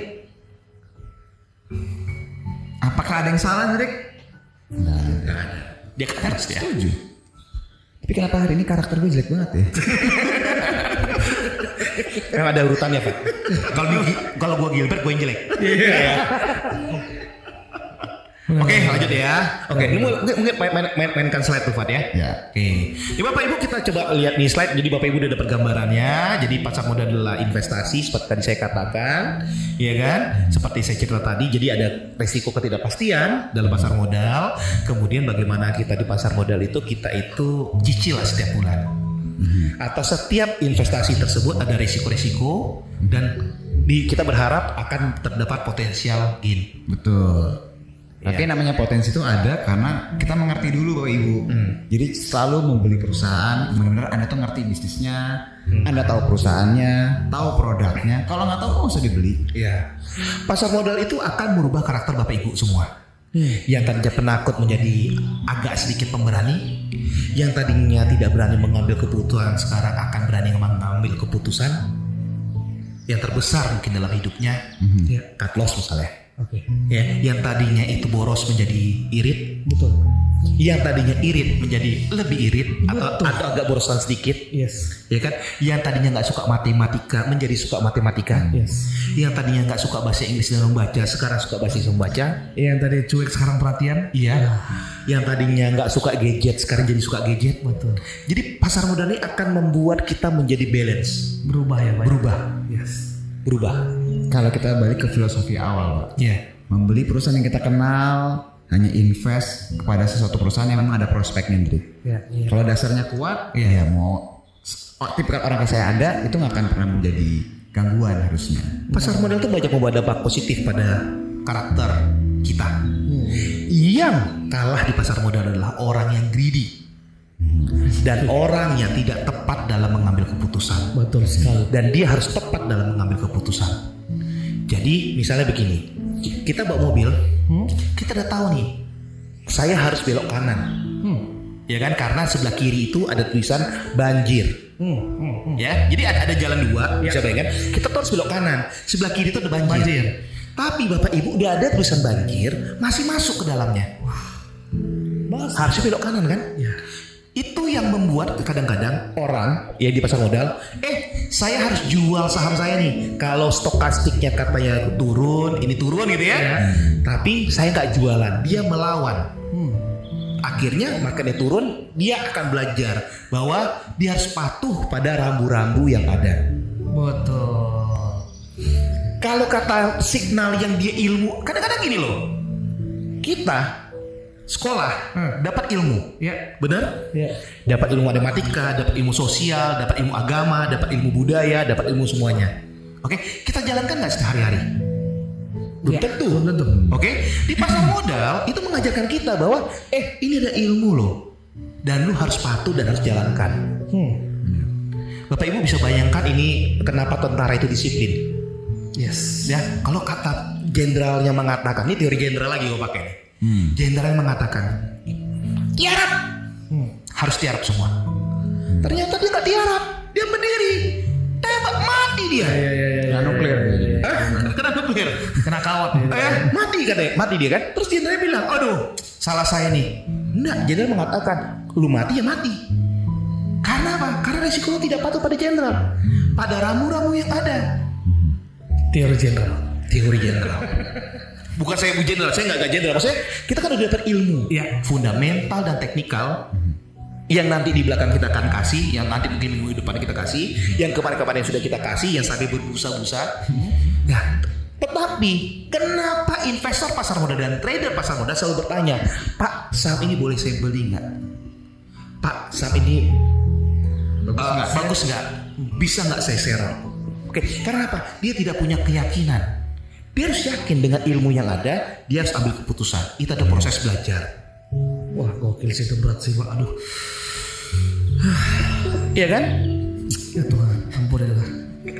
Salah, salah. Kenapa lu jadi berenang gitu Drik? Wah, karena gue itu. iya, karena bukan lu aja, Drik. Ini gue pun terjadi seperti itu. Gue udah tau marketnya turun, gue masih coba-coba belanja. Gue masih penuh pengharapan. Mas, harus belanja penuh dengan harapan naik. Betul, Ternyata turun. betul. Tapi bagaimana kita mengantisipasi ini? Kita harus legowo aja, bebas. Eh, Bebaskan semua yang mengganjal. Ya, yang udah berlalu biarlah berlalu. Oke. Kita buka Nah. lembaran baru ya. Slide berikutnya, investasi itu kita ada dua, dua, dua tempat.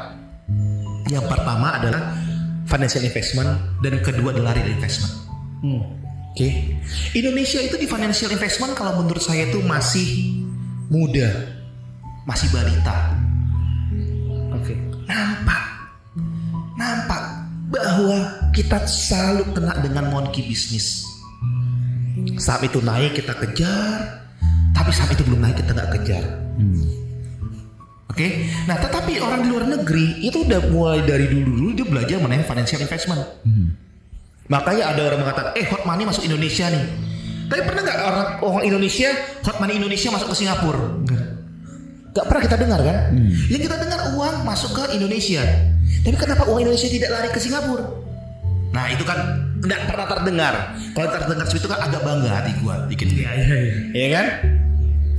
Nah, kenapa? Karena financial investment ini adalah di Indonesia tuh masih coba total investor Indonesia berapa sih di pasar modal?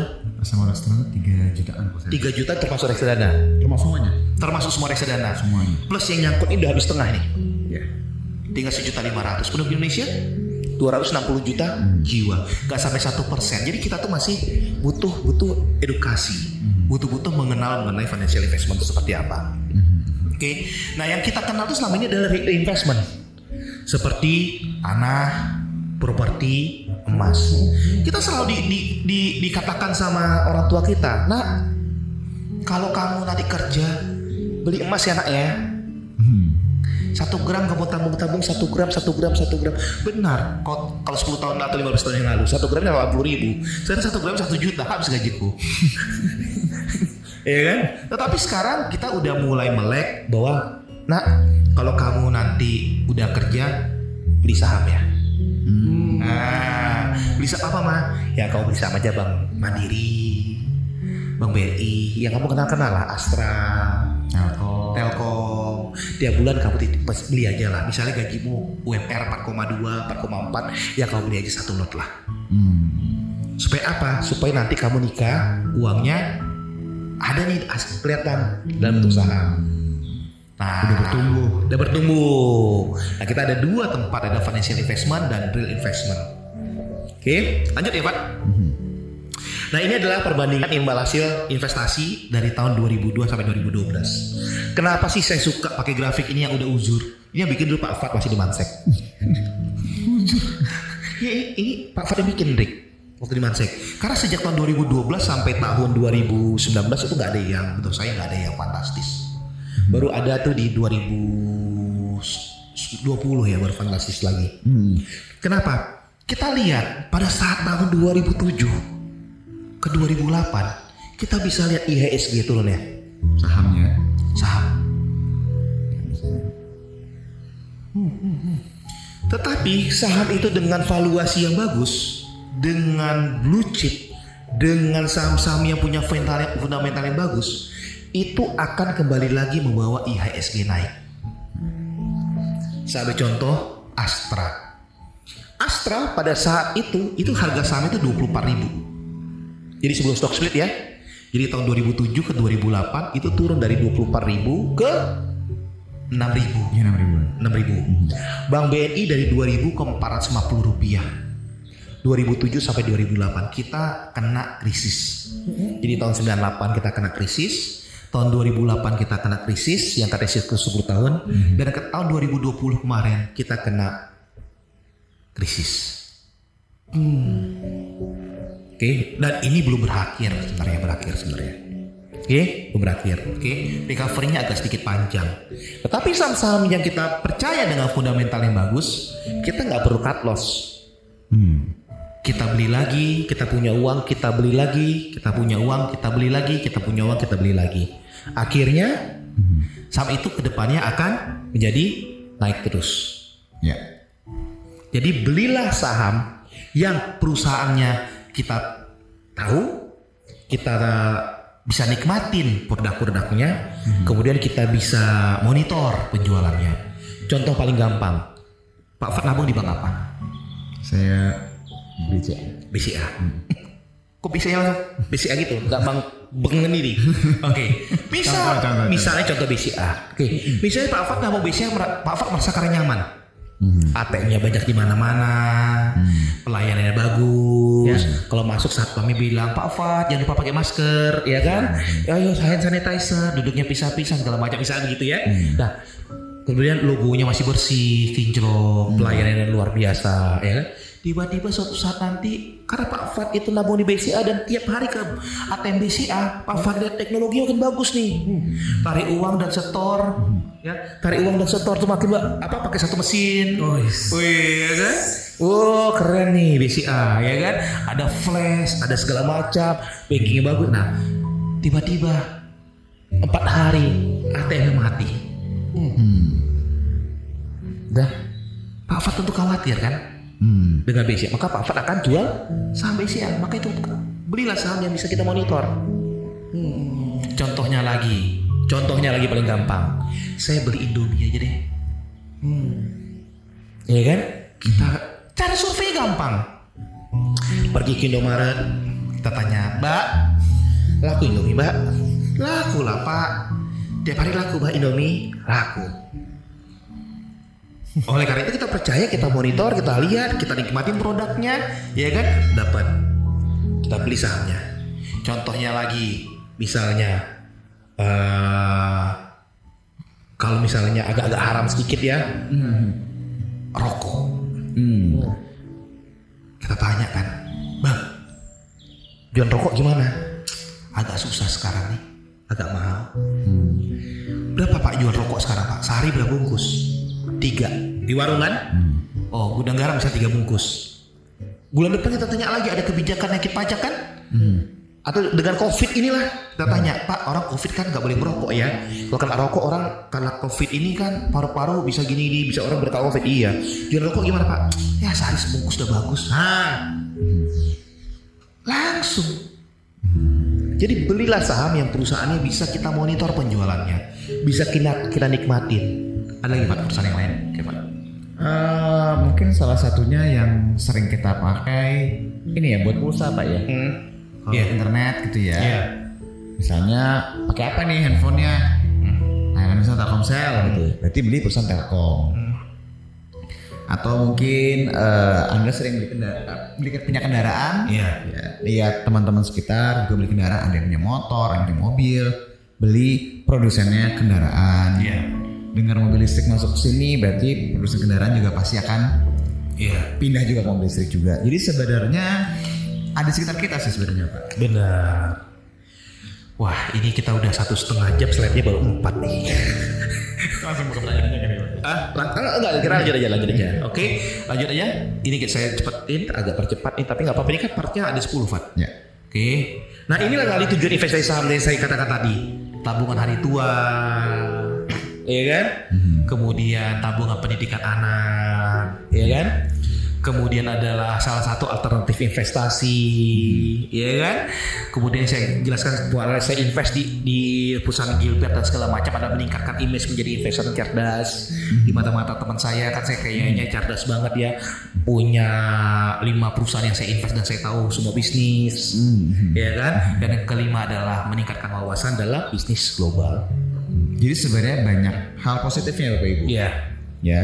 Jadi dari dari poin-poin yang Bapak Ibu bisa lihat ya tabungan hari tua, pendidikan buat anak. Karena kalau pendidikan anak tuh jujur aja ya, kenaikan SPP, kenaikan uang pangkal Iya. itu nggak sebanding lurus dengan inflasi ya. iya benar Jadi salah satunya juga bisa dialternatifkan ke investasi saham buat jangka panjang tuh ya Bapak Ibu ya. Iya. Oke next Pak. Nah ini tadi pasar modal seperti pasar tradisional. Oke lanjut Pak. Ini ada legalitas saham. Tadi ada regulatornya yang mengatur semua. Jadi saham itu adalah diatur oleh undang-undang dan peraturan pemerintah. Karena apa? Supaya tidak terjadi dispute, tidak terjadi manipulasi antar investor, supaya tidak terjadi yang namanya merugikan investor, ya kan? Karena tadi ada perusahaan seperti Gilbert tadi yang tiba-tiba menghilang, ya kan? jelas. Dan nggak jelas. Itu harus ada diatur dalam undang-undang dan peraturan perundangan dan regulasinya dan diawasi oleh dulu namanya Bapak PAM dan sekarang namanya OJK, Otoritas Jasa Keuangan Betul. dan transaksi dan karena masyarakat Indonesia ini kebanyakan mayoritas adalah Muslim, setiap edukasi dikata- orang mengatakan bahwa eh Pak saham itu haram ya, saham itu halal nggak dan segala macamnya. Tadi saya jelaskan filosofi awalnya saham itu seperti apa, ada akad. Karena kita mau invest perusahaan Hendrik, kita tidak berharap bunga atau riba. Ya, kemudian perusahaannya Hendrik adalah perusahaan warung yang tidak menjual miras, yang tidak menjual rokok, dia menjual beras dan segala macam. Maka Bursa Efek Indonesia itu sebagai regulator, salah satunya adalah sudah men- kita itu saham itu adalah sudah mendapatkan DSN MUI nomor 80 mengenai saham-saham syariah. Di transaksi saham itu kalau anda membeli perusahaan yang memang tergolong syariah, yang memang dia bisnisnya itu bukan yang minuman uh, alkohol, Iya. yang mengandung riba seperti perbankan, itu sudah dapat uh, Iya. apa ya, dia? Tapi ada dua tipe karakter tadi. Saya adalah beli sesuai dengan prospek perusahaan. Pak Afat adalah seorang trader. Apakah Pak Afat ini menganggap pasar modal seperti judi? Iya kan? Nah itu pandangan Bapak Ibu sendiri. Betul. Ya, kalau saya, kalau Bapak lihat Bapak Ibu sebagai saya sebagai investor jangka panjang, tentu Bapak Ibu langsung melihat Pak Antoni tidak berjudi. Pak Fat adalah berjudi. Tetapi bukan. Pak Fat ini bukan berjudi. Pak Fat ini karena namanya pasar itu ada yang trading, menjual, membeli dan segala macam, Pak Fat itu melakukan trading atas paper tersebut. Apakah Pak Fat itu haram? Tidak. Pak Fat juga tidak mengharapkan bunga. Pak Fat mengharapkan yang disebut dengan capital gain Betul. atau keuntungan daripada surat per lembar tadi. Oke, apakah Pak Fat tidak pakai analisa? Pak Fat pakai analisa juga. Dia melihat kondisi pasar, dia melihat perusahaan ini seperti apa juga sebenarnya walaupun sedikit-sedikit, ya kan? Dia memperhatikan rumor-rumor, dia memperhatikan news-news, dia memperhatikan sentimen-sentimen sehingga Pak Fat ini bisa untuk berdagang di pasar modal. Yang berjudi di pasar modal adalah apabila Bapak Ibu membeli saham karena seperti membeli kucing dalam karung. Artinya Bapak Ibu membeli saham itu karena insting, karena feeling, karena apa kata orang. Oke, tapi Bapak Ibu tidak mengerti menganalisanya, tidak mengerti segala macamnya. Yang namanya seperti itu berjudi pasti hasilnya itu tidak negatif, pasti hasilnya negatif. Karena apa? Bapak Ibu nggak ngerti. Saya beli saham ini di harga 8.000, di harga 9.000, di harga 7.000, di harga 4.000. Apakah harga saham ini wajar tuh saya beli atau tidak? Atau Bapak Ibu cuma ikut-ikutan kata orang, ah mana tahu naik lagi besoknya. Ya. Nah itu adalah berjudi. Tebakan ya. Jadi tebak-tebakan. Oke. Nah, karakteristik saham, saham sendiri adalah yang pertama adalah memperoleh dividen seperti cerita Pak saya sama Hendrik tadi. Setiap tahun saya dapat dividen atas usaha. Kenapa? Saya tidak mengharapkan bunga dari Hendrik. Kalau bunga artinya pokoknya harus balik. Artinya riba, artinya judi, artinya merubah ekosistem secara keseluruhan. Ini adalah memperoleh dividen. Artinya adalah bagi hasil. Kalau perusahaan Hendrik untung, saya dapat untung. Keuntungannya dibagi berapa persen? Perusahaan Hendrik rugi, saya nggak dapat dividen dan saya siap menanggung kerugian. Artinya ini seperti syariah, Pak ya? Ya. Ya, seperti syariah. Oke. Kemudian memperoleh hak suara dalam RPS karakteristik saham. Seperti tadi Hendrik cerita, dia butuh kasir, dia butuh orang yang pegang keuangan. Dia tidak bisa mengambil keputusan sendiri. Dia harus minta persetujuan kita pemegang saham. Walaupun suara kita kecil, suara kita minor, Iya kan? Tapi dia tetap minta persetujuan sama kita. Kalau kita setuju jalankan, kalau kita nggak setuju, kita jual sahamnya. Oke. Kemudian adalah dimungkinkan untuk memesan efek terlebih dahulu atau reissue. Ini seperti kemarin yang kita bahas mengenai eh, apa namanya ya, eh, corporate action. Artinya kalau perusahaan Hendriknya tadi katanya Pak banjir, saya butuh duit lagi. Buat renov segala macam. buat renov. Ya kan? Akhirnya dia jual saham dia di harga 100 atau dia terbitkan saham baru di harga 100, dia pinjam uang lagi. Karena awalnya itu udah untung bagi dividen tiba-tiba dia butuh uang lagi untuk ekspansi, untuk renov, untuk segala macam. Itu disebut dengan reissue atau penerbitan saham baru. Oke. Kemudian yang keempat adalah terdapat pot- potensial capital gain dan capital loss. Tidak ada kepastian Bapak Ibu. Apabila Bapak Ibu berinvestasi pasar modal, Bapak Ibu pasti untung. Gak ada. Tidak ada kepastian juga bagi Bapak Ibu. Apabila Bapak Ibu berinvestasi pasar modal, pasti rugi. Gak ada. Jadi pasar modal itu adalah terdapat potensial keuntungan dan kerugian. Pak Fat tadi bilang dia takut-takutin saya dengan tanggul. Dia beli saham saya dengan harga 250. Saya tuh harga sahamnya turun. Dia merasa untung, tiba-tiba sekali dia bisa untung. Yang kedua kali ternyata banjir beneran, harga saya tu- turun, maka Pak Fat terdapat capital loss. Jadi ada kepastian ya Fat ya. Betul. Betul. Oke, lanjut nih slide berapa nih? Masih panjang. Nah, kenapa kita harus investasi Bapak Ibu? Seperti saya cerita tadi sama simulasi Asai dan Hendrik dan Pak Fat tadi. Yang pertama adalah keinginan yang banyak. Pak Fat contohnya. Dia investasi pasar modal, dia trading pasar modal karena apa? Dia mau trading for living. Untuk menghidupi hedonismenya dia. Foya-foyanya dia. Misalnya, ya kan? Atau contohnya atau dia untuk kebutuhan dia untuk eh, kehidupan sehari-hari. Iya kan kehidupan sehari-hari. Sehingga dia terus perlu trading atau dia mau invest. Kalau saya investasi jangka panjang. Saya karena keinginannya banyak. Untuk anak saya sekolah. Untuk anak saya menikah. Untuk tabungan saya masa depan. Untuk segala macamnya. Jadi kita kita harus investasi. Karena keinginannya banyak. Oke? Kemudian inflasi yang meningkat. Dulu harga bakso itu satu mangkok seribu. Dulu kita masih mengenal uang 25 rupiah. Dulu kita masih mengenal namanya polisi cepek. Sekarang polisi gopek pun gak mau. Polisinya mau ceceng. 1500 dia lempar. Jadi kalau Bapak Ibu flashback, kapan uang 25 rupiah terakhir Bapak Ibu lihat? Kapan uang 100 rupiah yang terakhir Bapak Ibu lihat? Kapan polisi cepek yang terakhir Bapak Ibu lihat? Coba Bapak Ibu lihat perhatikan sekarang kembalian uang genap genap genap genap kayaknya dulu uang 100 ribu itu kayaknya besar sekarang dikit-dikit 100 ribu yang keluar dari dompet bukan 10 ribu atau 20 ribu lagi. 100 ribu 50 ribu. Nah itu yang disebut dengan inflasi yang semakin meningkat. Artinya harga uang kita itu semakin lama tuh semakin tidak ada. Dulu Bapak Ibu pergi ke Carrefour pergi ke Giant pergi ke Indomaret kasih anak 50 ribu atau belanja satu bulan habis bisa 200 300 ribu. Sekarang 200 300 ribu motor pun masih ada sisa banyak. Maksudnya waktu itu bawa tendengan nih harus tiga ribu kan, penuh nih satu motor. Sekarang cuma dua dua kantong, dikit. Itu menyatakan bahwa inflasi kita semakin meningkat Bapak Ibu. Oke, Semua jadi mahal. yang murah jadi mahal. Dulu beli popok dapat murah, sekarang beli popok bayi udah mahal. Jadi itu adalah inflasi yang meningkat. Oke. Kemudian ada uh, ada lagi yang ketiga adalah agar nilai kekayaan meningkat.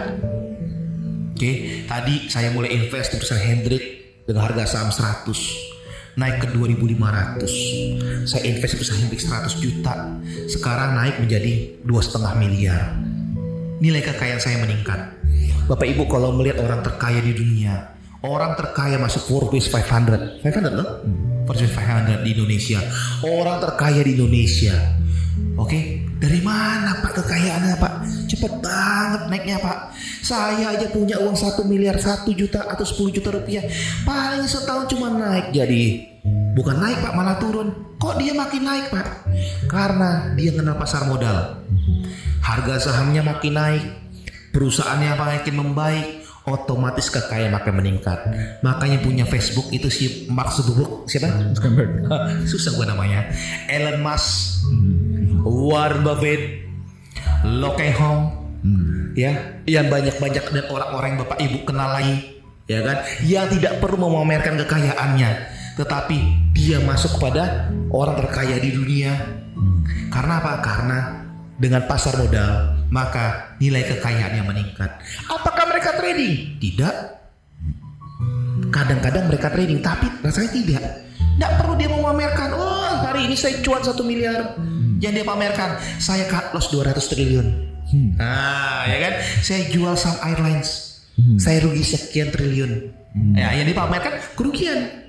Hah, tapi keuntungannya enggak. Oke. Oke, kemudian yang keempat adalah kebutuhan yang semakin meningkat, ya kan? Kita makin ke depan itu kita yang masih muda, anak sekolah, ya Pak Fat punya anak satu, saya punya anak satu, ya Hendrik punya anak empat, ya 14 ya. 14 ya kan. Jadi kebutuhan yang semakin meningkat. Jadi untuk sekolah anak, anak sekarang SD SD, oke kuliah tuh bayar berapa? Kita lulusan SMA, gak mungkin kita pengen anak kita SMA lulus eh, kuliah apa sekolahnya pendidikannya. Tentu orang tua tuh selalu mengha- mengharapkan begini. Saya ini lulusan S1, saya lulusan SMP, saya lulusan SMA. Saya nggak mau anak saya seperti saya lulusan SMP dan SMA. Tentu pengennya satu grade di atas daripada bapak ibu. Oh, bapak ibu kan nggak pernah mengharapkan anaknya seperti bapak ibu mau lebih tinggi. Maka mulai menabung dari sekarang. Karena kebutuhan yang ke depan semakin meningkat. Kemudian masalah kesehatan, ya kan? Maka kita perlu menabung saham. Oke? Oh, share screen di YouTube nggak muncul pak. Aduh, ada ya. Sebentar Bu Firdausi. Ini operatornya lagi kabur. Oke, mungkin sambil saya ngobrol ya lagi ya, ngobrol lagi ya. Ah, Oke. Coba lihat di mana, Bet? Ini karena dia ini udah Oke.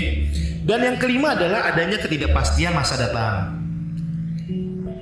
Oke, keti- adanya ketidakpastian masa datang. Jadi itulah kenapa kita harus investasi pasar modal uh, ke depannya ya. Oke, kita tunggu Hendrik sambil video YouTube-nya nggak ada. Kenapa dia ke sana? Oke, lanjut Fat. Oke, jadi inilah apa itu saham. Sebentar nih. Itulah apa itu saham? Itu yang tadi Pak Fat cerita adalah yang pertama adalah itu adalah tanda kepemilikan seseorang atau badan terhadap suatu perusahaan. Bapak Ibu, saya minta maaf sebelumnya kepada Bapak Ibu yang suami istri. Sang suami nanya ke istri, sang istri saya apa? Dek, YouTube-nya nggak bisa Dek ya? Udah muncul? Ya, slide-nya muncul. Itu tadi kenapa? Oke, oke. eh, tanda kepemilikan seorang atau badan terhadap satu perusahaan. Oke. Tadi saya minta maaf kepada bapak ibu yang suami istri. Suami nanya istrinya. Suami nanya ke saya. Saat istri saya apa? Saya nggak akan kasih tahu. Oke. Istri nanya ke saya, sama suami saya, saya tidak kasih tahu. Dan saya minta maaf apabila suami istri ada yang meninggal. Salah satunya. Sang, misalnya suaminya meninggal. Istri nanya, Pak, saham suami saya apa? Saya nggak akan kasih tahu Bapak Ibu. Sampai dokumen administrasinya lengkap. Oke, apakah sahamnya saya ambil? Saya tidak akan ambil sahamnya. Oke, tetapi misalnya si suami tidak kasih tahu sama istrinya bahwa dia main saham, investasi saham, Ke- tapi suaminya meninggal, kita tahu, kita akan hubungi keluarganya, bu, bapak punya saham ABC, ahli warisnya siapa ya bu ya? Oke, karena ini eh, karena ini adalah kalau saham itu adalah tanda kepemilikan seseorang pada badan terhadap suatu perusahaan. Beda sama rumah atau tanah Bapak Ibu. Kalau misalnya Pak Fat atau suami beli tanah sendiri, dia harus tangan sama istrinya atau menjual sama istrinya. Karena kalau nggak ada harta gono gini harus melakukan berdua. Kalau ada harta gono gini sendiri nggak apa-apa. Tapi kan harus tunjukin ke saya. Mana Pak Fat mau punya harta gono gini sama istrinya kan gitu ya. Oke, jadi tanda kepemilikan seseorang terhadap terhadap suatu perusahaan. Oleh karena itu Bapak Ibu jangan pernah mau uangnya dititipkan ke orang lain. Bila beli saham jangan pernah mau buka aja sendiri. Beli saham itu gampang kok. Cara belinya tuh gampang. Jangan pernah mau uangnya dikelola oleh orang lain dalam membeli saham. Oke? Jadi kalau Bapak Ibu misalnya suatu saat nanti beli saham titip uangnya ke orang lain, misalnya ke saya atau ke Pak Fat atau ke Hendrik, tiba-tiba sayanya gone karena Covid ya, gone. Terus Bapak Ibu klaim ke istri saya atau ke istrinya Hendrik atau istrinya Fat, itu ada uang saya di Pak Antoni satu miliar, dibelikan saham. Nah, nggak bisa karena itu adalah hak milik daripada saya. Betul, Pak? Betul. Betul ya. Yang kedua, saham itu dikeluarkan oleh sebuah perusahaan yang berbentuk PT atau disebut dengan emiten. Jadi CV nggak bisa IPO, PT yang bisa IPO atau listing di bursa. Kenapa Bapak Ibu? Kenapa CV itu nggak bisa? PT itu yang bisa. PT, perusahaan terbuka pemegang sahamnya minimal 300 orang atau lebih. Maka undang-undang yang mengatur di Indonesia atas hal itu adalah PT. Ada perusahaan tertutup, ya, PT tertutup dan perusahaan tertutup eh, PT terbuka. Apabila pemegang sahamnya 300 atau lebih. Yang kedua, struktur PT secara legal agak berbeda, berbeda dengan CV. Ya kan, maksud tanggung rentengnya dan segala macamnya atas pemegang sahamnya. Oke? Dan yang ketiga adalah pemilik saham tersebut adalah juga pemilik sebagian daripada perusahaan tersebut. Artinya kalau Bapak Ibu beli sedikit walaupun satu lembar ataupun satu lot, satu lembar lah saya katakan, saham Telkom, satu lot saham Bank BCA, satu lot saham Bank Mandiri, otomatis Bapak Ibu adalah pemegang saham tersebut. Ingat loh Bapak Ibu, Bapak Ibu pemegang saham itu adalah titik yang tertinggi. Pemegang saham itu adalah toke. Pemegang saham itu adalah pemegang pemilik perusahaan. Ya, Bapak Ibu harus ingat, berpikirnya harus seperti pemegang saham. Jangan berpikir seperti karyawan lagi. Berpikir seperti pemegang saham, toke, pengusaha. Tidak perlu eh, berpikir ruwet, berpikir simple. Kalau Bapak Ibu pedagang, pengusaha, Bapak Ibu tinggal ngomong sama direkturnya, eh berapa laba kau cetak tahun ini? Berapa efisiensi costnya? Berapa yang kau bagi dividennya? Bapak Ibu tidak perlu lagi pakai kalkulator, pakai jari gosok-gosok di paha supaya kali-kalinya dapat seribu dikali 25 dikali dapat sekian sekian atau bapak ibu mau pakai sipua pun ngitung pakai sipua sip sim Semua. sepua eh Pak? Semua. ngitung. Gak ada yang ketawakan. Bapak ibu. Bapak ibu datang ke Telkom. Tiba-tiba tukang parkir Telkom tidur.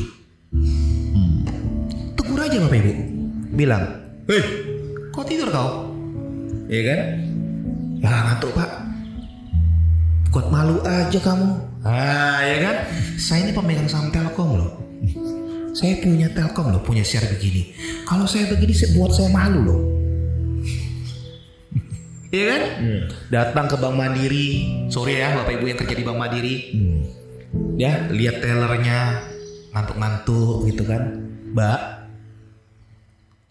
kenapa ngantuk mbak? Gak tidur malam. Mendingan mbak tidur dulu di belakang lah diganti. Ngomong sama pimpinan cabang, ganti tuh teller itu buat bermalu Bank Mandiri aja. Iya kan? Gak berani dia bilang, eh siapa kamu? Negur-negur begitu. Cukup katakan, saya salah satu pemegang saham Bank Mandiri. Ya. Keren gak Bapak Ibu? Keren. Keren. Jadi itulah bedanya antara perusahaan terbuka sama perusahaan tertutup. Bapak Ibu mindsetnya udah jadi pengusaha. Bukan mindsetnya menjadi pekerja. Khusus sekan-sekan Bapak Ibu. Tapi kalau Bapak Ibu menjadi seperti Pak Fakari trader, ya kan? Hari ini beli, besok jual, hari ini beli, besok jual. Dia pasti malu untuk menegur. Iya kan? Saya trader, iya kan? Saya hanya punya sahamnya tapi saya besok juga saya jual. Jadi percuma Pak Fat negur-negur orang. Pak Fat juga nggak peduli sama company seperti apa. Pak Fat cuma peduli sama dirinya sendiri. gitu Bapak Ibu. Jadi Bapak Ibu harus mengerti esensi daripada saham itu seperti apa. Beli, oke datanglah RUPS, rapat umum pemegang saham. Rasakan auranya seperti apa. Rasakan auranya itu seperti apa, menjadi pemegang saham company seperti apa. Nanti Bapak Ibu misalnya beli saham ABC yang disuspend lama lah, seminggu, dua minggu. RPS lah perusahaannya. ARB terus sahamnya.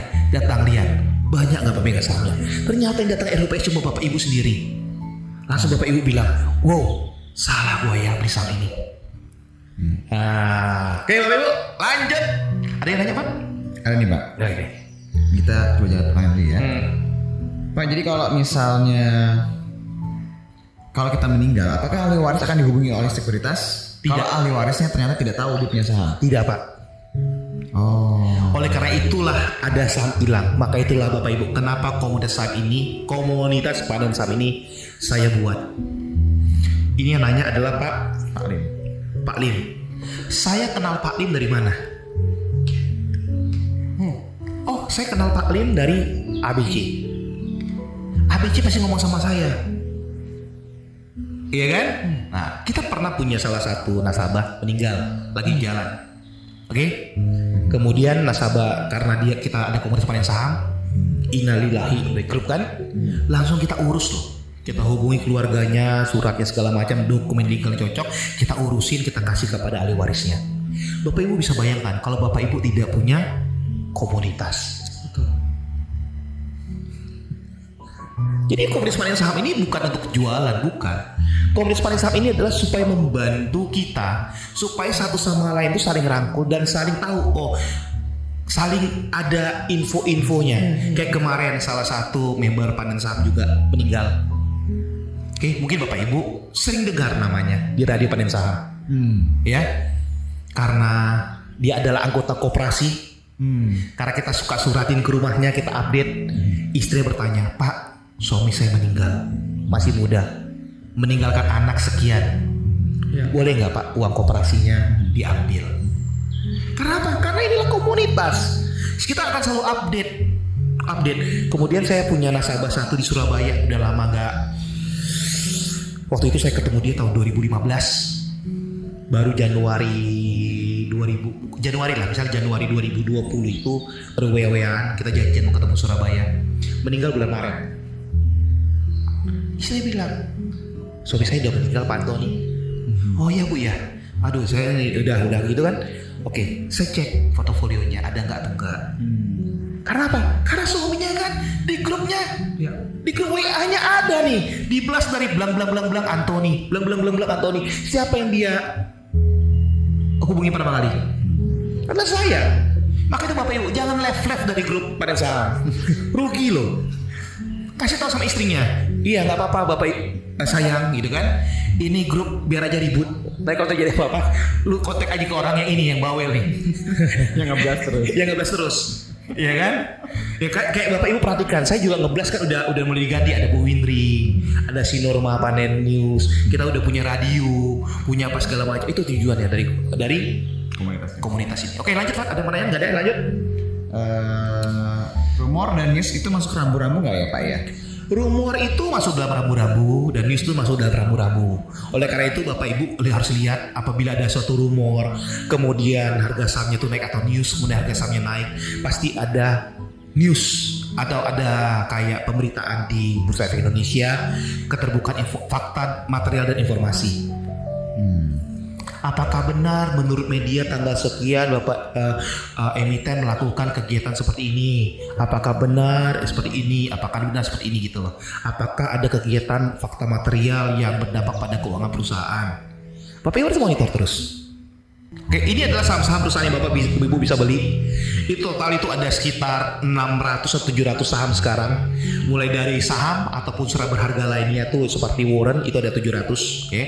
Nah, dari 700 itu rata-rata kita sebagai investor pasar modal yang dadakan yang masih baru itu portofolionya di portofolio Bapak Ibu ada 30, 40 atau 50 atau kadang-kadang ada 100 saham isinya. Yang di mana sebenarnya Bapak Ibu tidak tahu bahwa saham itu Bapak Ibu kenal atau tidak. Iya banyak. Pak. Banyak kan? Oleh karena itu sekarang mulailah kita mulai memperbaiki portofolio kita. Oke. Mulailah beli pada perusahaan-perusahaan yang kenal seperti blue chip apa segala macam ya. Dan nanti Bapak Ibu ikut edukasi selanjutnya menghitung valuasinya apakah nilainya itu masuk dalam harga wajar atau tidak. Ya. Ya kan? Apakah tadi perusahaannya Hendrik saya beli dengan over value atau tidak? Benar. Nah kita harus belajar hitungannya seperti itu. Oke ini ada pertanyaan lagi dari Pak Yogi. Pak bisa nggak di aplikasi Mos jual saham atau beli saham di pasar minggu? Bisa Pak Yogi. Bisa. Terima kasih Bapak Ibu ya. Sungguh luar biasa. Terima kasih atas waktunya. Hah? Eh, sampai ketemu lagi. Tunggu aja kejutan kami dari kami berikutnya. Terima kasih Bapak Ibu ya. Oke. Selamat malam, selamat beristirahat. Terima kasih Selamat bye bye semua. Pak Antoni, Pak Fat. Iya biasa. Sukses selalu dan sehat semuanya. Bye bye. Bye bye semua. Selamat sore. Kamu baru aja dengerin Ngobras, ngobrol bareng asyik seputar saham. See you to the next episode.